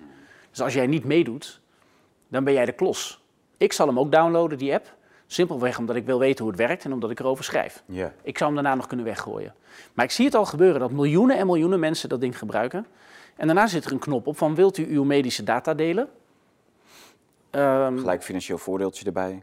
financieel voordeel. Nou, nou, die kan ik ook nog wel gebruiken. Ja. En, dan, ehm, eh, en dan, dan, dan is jouw data, dat is een economisch goed. Maar we hebben gezien En- dat en- met, met, die, met, de, met de coronavaccinaties, dat het, eh, het werd echt, je moest het doen voor de ander en voor ons allemaal. Ja. En dat gaat ook met die medische gegevens doen. Want als je je medische gegevens niet deelt... Als je dan dat kan- niet deelt, dan, hou jij onderzoek tegen. Ja, Nou, dan hou je onderzoek Ja. tegen. En dan kan, dan kan de farmaceutische industrie haar medicijnen niet optimaliseren. Ik zou prima zeggen, maar dat is dus een heel vies argument. Want ik vind het heel acceptabel dat je bijvoorbeeld mijn medische data zou gebruiken voor medisch onderzoek. Nee, Ik zou dat- ik zou dat- ik zou maar zeggen, ik- ik vind het nee, prima. Nee, want ik zou dan zeggen, Maar Arno, ook- ja. Dat medicijn had al lang in drie fases uit en treurig getest moeten zijn voordat het überhaupt op de markt zou komen. En ik wil niet alsnog tot de ontdekking komen dat ik eh, eigenlijk gewoon een halfbakken, half geëxperimenteerd eh, medicijn heb gebruikt. Ja, kijk, wij, wij kunnen hier anders over denken. Ja. Wat hier heel kwalijk aan is, is dat het in één app wordt gebouwd. Helemaal, tuurlijk. Dus Ja. waarom, waarom moet dit gekoppeld worden aan je geld? Ja. Waar, waar, waar komt het idee vandaan dat je, dat je dat moet doen? En dat is dus duidelijk een Europese Commissie die geen taak heeft. Dus die Ursula von, von der Leyen die wil zichzelf dezelfde, eh, een soort Catharina de Grote van Rusland, maar dan van de Europese Unie wil ze van zichzelf Ja. maken. Ze moet zichzelf een rol geven. Er is geen probleem. Ja, maar ik zoek een Europese oplossing. Nou, dan maak je desnoods een probleem. Dat is wat hierachter zit. En dan doet zij dus allemaal dingen die bijvoorbeeld vanuit privacy, eh, rechtsstatelijkheid, cyberveiligheid bijzonder slecht zijn. Maar ik zou als, als een onderzoeker tegen mij zegt van nou, ik zou iets met jouw data willen doen en ik vertrouw de onderzoeker. Ehm, dan zou ik daar wel bereid toe zijn dat hij in mijn data mag rommelen. Dan wil ik wel een beetje kunnen kijken of dat veilig is. Maar het idee dat je dat ongevraagd, want de European Union Dataspace, die, dat idee is ouder dan corona en het wordt er met corona ingefietst. En, en ik vind dat alle, ehm, eh, ik spreek heel veel Dat is toch doktoren. chantage? Maar het is ook chantage. Maar kijk, er zijn best wel veel gekke complottheorieën over corona. Hè, dan wordt er, eh, worden ook dingen gezegd die je echt niet kan bewijzen. Nee, kijk, je, ma- je mag Maar- speculeren, maar Arno. Hè? Ja. Dat moet je er dan bij zeggen. Het is speculatief, Ja. we weten het niet helemaal. Maar ik geef helemaal toe, er gaan de meest gekke dingen eronder. Ja, oké, fair, doen precies. heel- maar weet je Heel veel komt? rare theorieën. Maar ik vind, dat, ik vind dat de schuld van Rutte en van Hugo de Jonge en van eh, onze vriendin Kijk. Ursula von der Leyen. Kijk, Want de, de, weet- de medische wetenschap is door dit politiek opportunisme van het voetstuk gestoten. Laat ik het zo zeggen. Stel je voor dat ik, dat ik ga naar de dokter. Ja. En de dokter zegt tegen mij, Arno, ehm, ehm, je moet even letten op, eh, ik bedenk even wat, Eh, waar heb ik eigenlijk last van? Ja, ik moest nog iets een keer met mijn oog doen. Ik had, ik had iets op mijn oog zitten. En zegt hij, nou, je hebt iets op je oog, maar dat komt omdat je te veel uh, drinkt. Dan zou ik de dokter, dan zeg ik, nou eh, mevrouw de dokter, u heeft groot gelijk. Ik, ik, ik neem uw, eh, of ik had iets met mijn knie, ik had laatst een marathon gelopen. Nou, dan kan de dokter zeggen van, eh, ik zou een beetje zus en zo letten op... eh, dan zou ik zeggen, nou mevrouw de dokter, ik geloof in u, ik geloof in de medische wetenschap, ik geloof in de empirische methode, ik geloof in de verlichting. Die dokter, die staat bij mij op een hoog voetstuk. Ja. Stel nou dat die dokter ineens zegt van, nou let daar even op met je knie. En ehm, je kunt ook bij een andere Europese bank je hypotheek ophogen. Ja, dat heeft Dan zeg ik, sorry dokter, waarom begint u met Ja, over een beleggingsinstrument? Waarom begint u financieel te worden? En dat is het akelige aan die coronabonds. Er wordt gezegd van, hé, hey, coronabonds, ja, Ja, het ja, moet vanwege de pandemie. Hè, de ziekenhuizen liggen vol, we klappen voor de zorggelden, we Goed doen het voor de, voor de verpleegkundigen. En ehm, die, die pandemie is aangegrepen om allemaal dingen te doen die zeer politiek zijn, uiterst controversieel zijn en die ook helemaal niets met medische wetenschap te maken hebben. Nee, maar die Want- want ook dit- dus dit- ja. mensen, de gewone mensen chanteren op hun gevoel dat ze het goede willen. Ja, ik zag een, ik zag een hele mooie... chanta- ja. Ze chanteren de goedheid van de normale man en vrouw. Ja, ik zag een hele mooie column bij, eh, bij BNN-Vara bijvoorbeeld. Of ja, tenminste, die, die, eh, die, die illustreert het mooi. Dan had je toen die discussie speelde over de vrekkige vier. Van eh, Nederland wilde dus niet eh, dat coronafonds eh, hebben. Oh ja. ja. Toen dan hadden, ze bij BNN hadden ze een, column, hadden ze een bed getekend en er lag dan een arme Italiaan op en die ging bijna dood. ja. En als hij, als hij maar een beetje geld zou krijgen, dan zou die het kunnen overleven. En dan staat Rutte namens Nederland, die staat dan dat infuus dicht te knijpen. Ja. En wij zijn de vrekkige vier. En door dat soort dingen en die constante aanval, Nederland vies. buigt dan. En dan is dat fonds daar. En wat gaan we dan financieren uit dat fonds? CBDC. Nou, vind je het gek dat je dan complottheorieën geen, we krijgt? hebben geen enkele dode Italiaan voorkomen of geholpen. Helemaal niet. Want, want dat fonds, eh, daarvan gaat 200 miljard naar Italië. En 4 naar Nederland. Maar Italië is niet 50 keer zo groot. Het is ten eerste een herverdelingsfonds. En die visie, die politieke visie van 200 herverdelen... 200 miljard gaat naar Italië en Ja. 4 miljard naar Nederland. Ja, dat is een factor 50. Allemachtig. En dat is het herverdelende Ja, aspect. ja. Italië is drie, drie keer zo groot. Eh, economisch, ja. mensen. ja. Ja, maar qua mensen ook. Ehm, ja, dan iets meer. Oh. Maar goed, Nederland begint. eh, maar goed, in ieder geval, die verhouding die slaat nergens op. Maar dat betekent dat je Italië voortrekt. En dat is een politiek eurofederale, eh, eurofederale visie. Dat is wat er gebeurt. En die probeer je over de rug van de mensen die in die ziekenhuisbedden liggen, probeer dat door te Ja. voeren. Want het idee van een transferunie is ouder. Nou, vervolgens zeg je dat geld moet worden geleend. Wat ook heel vreemd is. Want de ECB was toen zo hard bezig dat die rentes heel laag stonden. Nederland kon tijdelijk ook gewoon negatief eh, lenen. Dus die lidstaten die hadden makkelijk zelf geld kunnen lenen om bijvoorbeeld verpleegkundigen te helpen. Ja. Alleen wat gebeurt er op dat moment? Er wordt gezegd van nou, het is nu heel belangrijk dat Europa samen leent en dat moet Ursula von der Leyen kunnen doen. Ursula von der Leyen heeft gewoon een, een creditcard gekregen van 800 miljard. Maar puur medisch was die helemaal niet nodig. En dan gaan mensen denken van ja, ik word erbij genaaid, er gebeurt iets anders. Ja. Vervolgens worden de maatregelen ingetrokken. Van eh, dat je met een mondkapje naar de kroeg, weet ik wat. Dat gebeurt eind februari. ja, klopt. En ik weet nog dat ik dacht, ik ken Rutte, ik dacht jij gaat een rotstreek uithalen, want zo ben jij. En op het moment dat, tegen, dat elke journalist Ja. een persbericht krijgt van de maatregelen gaan er morgen af. Weet je wat onze beroepsgroep dan doet? Nou? Dan zeggen we, oeh, dan gaan we het morgen gaan we een borreltje vieren. Gaan we een borreltje houden met z'n Ja, allen. ja, echt. Ja, dan zijn er zijn meer beroepsgroepen die dat doen. Maar, maar die vrijdagavond, de eerste vrijdagavond sinds de lockdown, dat jij niet meer hoeft het, eh, dat er geen maatregelen waren. Toen werd aangekondigd dat die coronapas werd verlengd. Ik had juist het idee dat politici en journalisten nou, en ambtenaren de enige beroepsgroepen waren destijds die zich helemaal nergens aan hielden. Maar goed, dat. Bepaalde journalisten zeker. Ja. Bij bepaalde praatprogramma's dan Ja, ja. werd er met de viroloog van dienst voor de, voor de camera's gezegd van... eh, Afstand, nou, het is heel belangrijk dat we... Maar achter de camera's wordt gewoon getrouwd en weet ik wat. En gezopen. Dat is gewoon absoluut waar. Het is één grote hypocriete bende. Ja. Wat, wat ook gewoon niet helpt bij de beeldvorming. Ja, maar kijk, dat is hier dus het akelige. Je hebt allemaal politieke plannen die controversieel zijn. Je wil digitaal geld omdat de rente zo laag is, wegens overkreditering. Eh, je moet gemeenschappelijk geld kunnen lenen omdat dat past bij de eurofederale ambities, die door de merendeel van de Nederlanders niet wordt gedragen. Je wil handel in data, omdat met name het World Economic Forum zit er erg op te pushen. Eh, die appbouwers hebben zich verenigd in dat World Economic Forum en die lobbyen daar heel hard voor. Ja, oké. Jij is zichtbaar. naar- Je hebt daar naar de achtergrond Zit ook allemaal in het- zit allemaal in het boek. Ja, ja, ja mooi. En dat is het akelige. En dat wordt dan over jou uitgerold. Kijk eens wat een mooie app. De corona-app. Waarvan programmeurs mij opbellen en die zeggen: ik heb, dat voor, ik heb dat ding vorige zomer gebouwd. Ja, ja, ja. Dus er was één programmeur die zei dat ook. Van zouden ze die pandemie hebben gepland? Zodat ze die app kunnen gebruiken. Ik zeg: A, ik weet het niet, want ik kan het niet bewijzen. Nou, ik ken ook zo iemand. maar ik, ik, ik geloof dat niet. Ja. Ik, ik, ik kan niet bewijzen dat dat, dat een gepland Ja, iets is. Maar dat hoeft ook niet. Maar jij, jij kent dus Want- mensen die eh mee hebben geholpen aan die, aan die app eh, in opdracht van het World Economic Forum. Nee, van, van het ministerie van. eh eh, waar valt het onder? Volgens mij Algemene Zaken. Ja, ja. Of VWS. ja. In ieder geval de Rijksdienst voor Identiteitsgegevens. Dus Nederland zegt, wij zijn koploper op het punt van digitalisering. Ja. Dus wij zijn degene binnen de Europese Raad die erop loopt te pushen. Staat allemaal in mijn boek dit. Eh, het is Kamerbrief eh, uit het jaar 2021, nummer 0000061944. Pagina 3, voetnoot nummer 10. Eh, daar staat van, ja, we zijn bij het World Economic Forum geweest en zij hebben ons geïnspireerd voor die digitale identiteit. Waarvan Klaus Schwab in dat document zegt, het Ja. is een strategic imperative. Ah, oh, ja, En dan staat er op pagina 6 van het document de, de kabinetsvisie digitale identiteit. Heel makkelijk te vinden staat van ja, wij hebben dit voorgedragen in Europa. En de, het belangrijkste wapenfeit van die digitalisering, zeker op medisch vlak, dat is de EIDAS-richtlijn. Dus de European Union Data Space, handelen in die data. En die komt uit 2018. Staat gewoon op de website van het Europees Parlement. Kijk, 2018. zo. Ehm, daar komt dat Europees paspoort vandaan. Een digitale QR-code waar alles achter zit. Ja. Ehm, En toen is de Rijksdienst voor Identiteitsgegevens, die heeft gezegd, nou dan gaan we in 2019, gaan wij beginnen met dat ding te bouwen. En gaan we proeven uitrollen In de horeca. in de horeca, waar, waar niemand begrip voor zou hebben gehad, omdat het nergens op slaat. En toen kwam als een godsgeschenk wel de pandemie. En, die, en ik zeg van never waste a good crisis. Precies, ja. En als je dat soort dingen doet, ja. Ik kan me als nog je, herinneren als je dat het zo dat in- aanpakt, dan vraag je om eh, complottheorieën. Volgens mij was dat ehm, in maart 2000, eh, nou ja, dat was 20 hè, met die corona, dat eerste Ja.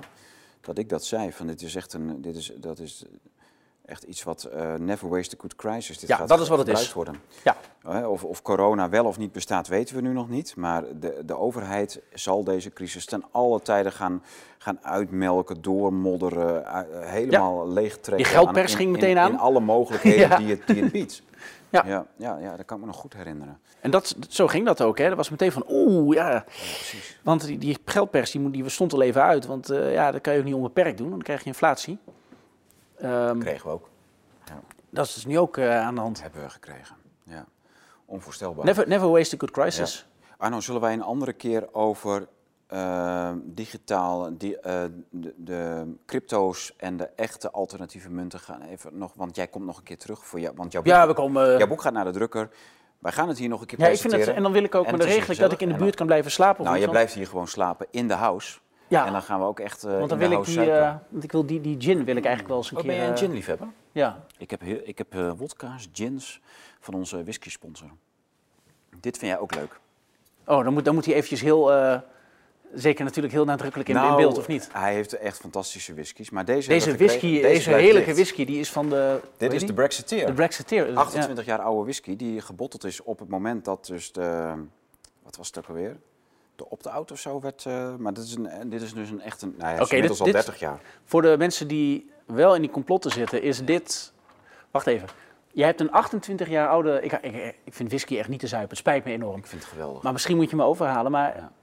Jij hebt dus een 28 jaar oude whisky die van de Brexiteer. Ja. Ja, dit Wisten nummer- zij iets het is, wat... eh, eh. Hij is in ach- 182 flessen is die gebotteld en dit is nummer 27. Nummer 001 is overhandigd aan Nigel Farage. Oké. Dat is leuk. Het is wel een beetje een kleine in-crowd dit ook, hè? Maar Echt- dat, echt ken wel. jij ook van... eh, maar goed. Ja. Maar ja, wij, zijn, wij zijn al heel lang in crowd. Maar ik heb dus hier ook nog die Brexiteer heb ik ook nog in een, eh, in een eh, drum, drum heet dat geloof ik? Drum? Drum. En die eh, eh, kunnen we dan nog een keer. Oh ja, deze. Kijk, twee. eh, als je, hou je echt niet van whisky? Ja, je legt er nu druk op. Maar Deze twee dremmetjes. Dat zal, dat zal toch wel een keer leuk zijn. Dat gaan we dan doen. ja, moet je Ja. het me dan... Leer het me dan. En Ja. dan wil ik wel de vrijheid hebben om... eh, Ja.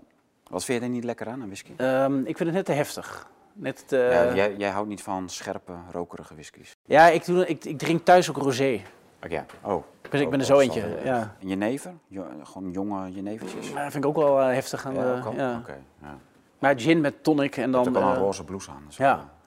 Nee, absoluut. Nee, ik ben een beetje een softe... Ja. Ja. Nou ja, niks mis mee, hè, softe mannen. Mag, mag er ook zijn. Ja. Ja, we moeten ook... eh, Nee, ik kom bij je eh, terug en dan gaan we het even anders... eh, Ik, vind, ik vond het een heftig uurtje, eh, Arno. Weet je wat we ook kunnen doen? Nou? Maar ik weet niet of dat slim is. Dan doen we de borrel terwijl de camera... Dat is wel leuk. Ja. Durf je dat? Ja, we gaan ook wat mensen uitnodigen. Ja. We gaan een feestje houden. Dan wordt het hier gewoon... Je, je kan piano spelen. Zeker, eh, ja. Nee, wij, wij- de studio is groot genoeg. Oké. Dan gaan we, gaan we het. Euro-evangelie samen lezen. 30 man, ja, precies. Met onze eh, opper-evangelist en eh, nu bijbelschrijver Arno Ja. Wellens. Leuk, nou, daar kijken we naar uit. Beste mensen, eh, we gaan het de volgende keer, of de volgende keren, ik weet niet hoeveel Arno, hoe vaak nog Arno Ja, hoe vaak je wil, voor joh. de- Dus, voor de- om, om zijn boek maar bij u door de strot te douwen, want het is een belangrijk boek. 800 pagina's maar liefst, heel groot, heel dik. En eh, ja, ik denk, ja, eh, jij hebt het record gevestigd van het dikste boek in de uitgeverij. Yes. Stond op naam van Wim van Rooij met Waarover men niet spreekt. En dat is al toch alweer het jaartjes terug. Ja, En dat heb jij nu overgenomen. ik, eh, ik doe mijn best. Ja, dus wij willen dit, dat boek heel snel naar de drukker en ook weer van de drukker, zodat u het heel snel kan lezen, want het is heel belangrijk. Alles staat erin.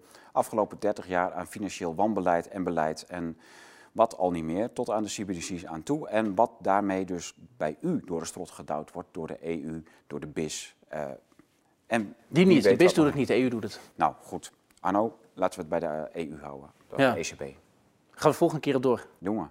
En dan gaan we het nog over andere dingen hebben. Cryptomunten, alternatieve munten. Florijn, ik wil weten wat je daarvan eh, vindt. Hoeft nu niet, maar dat gaan Nee. we. Ja, ja. Hangt er vanaf wat erachter zit. Ja. Altijd met geld is niks. Kijk wat erachter zit. Ja, maar ik ben ook benieuwd of het levensvatbaar is.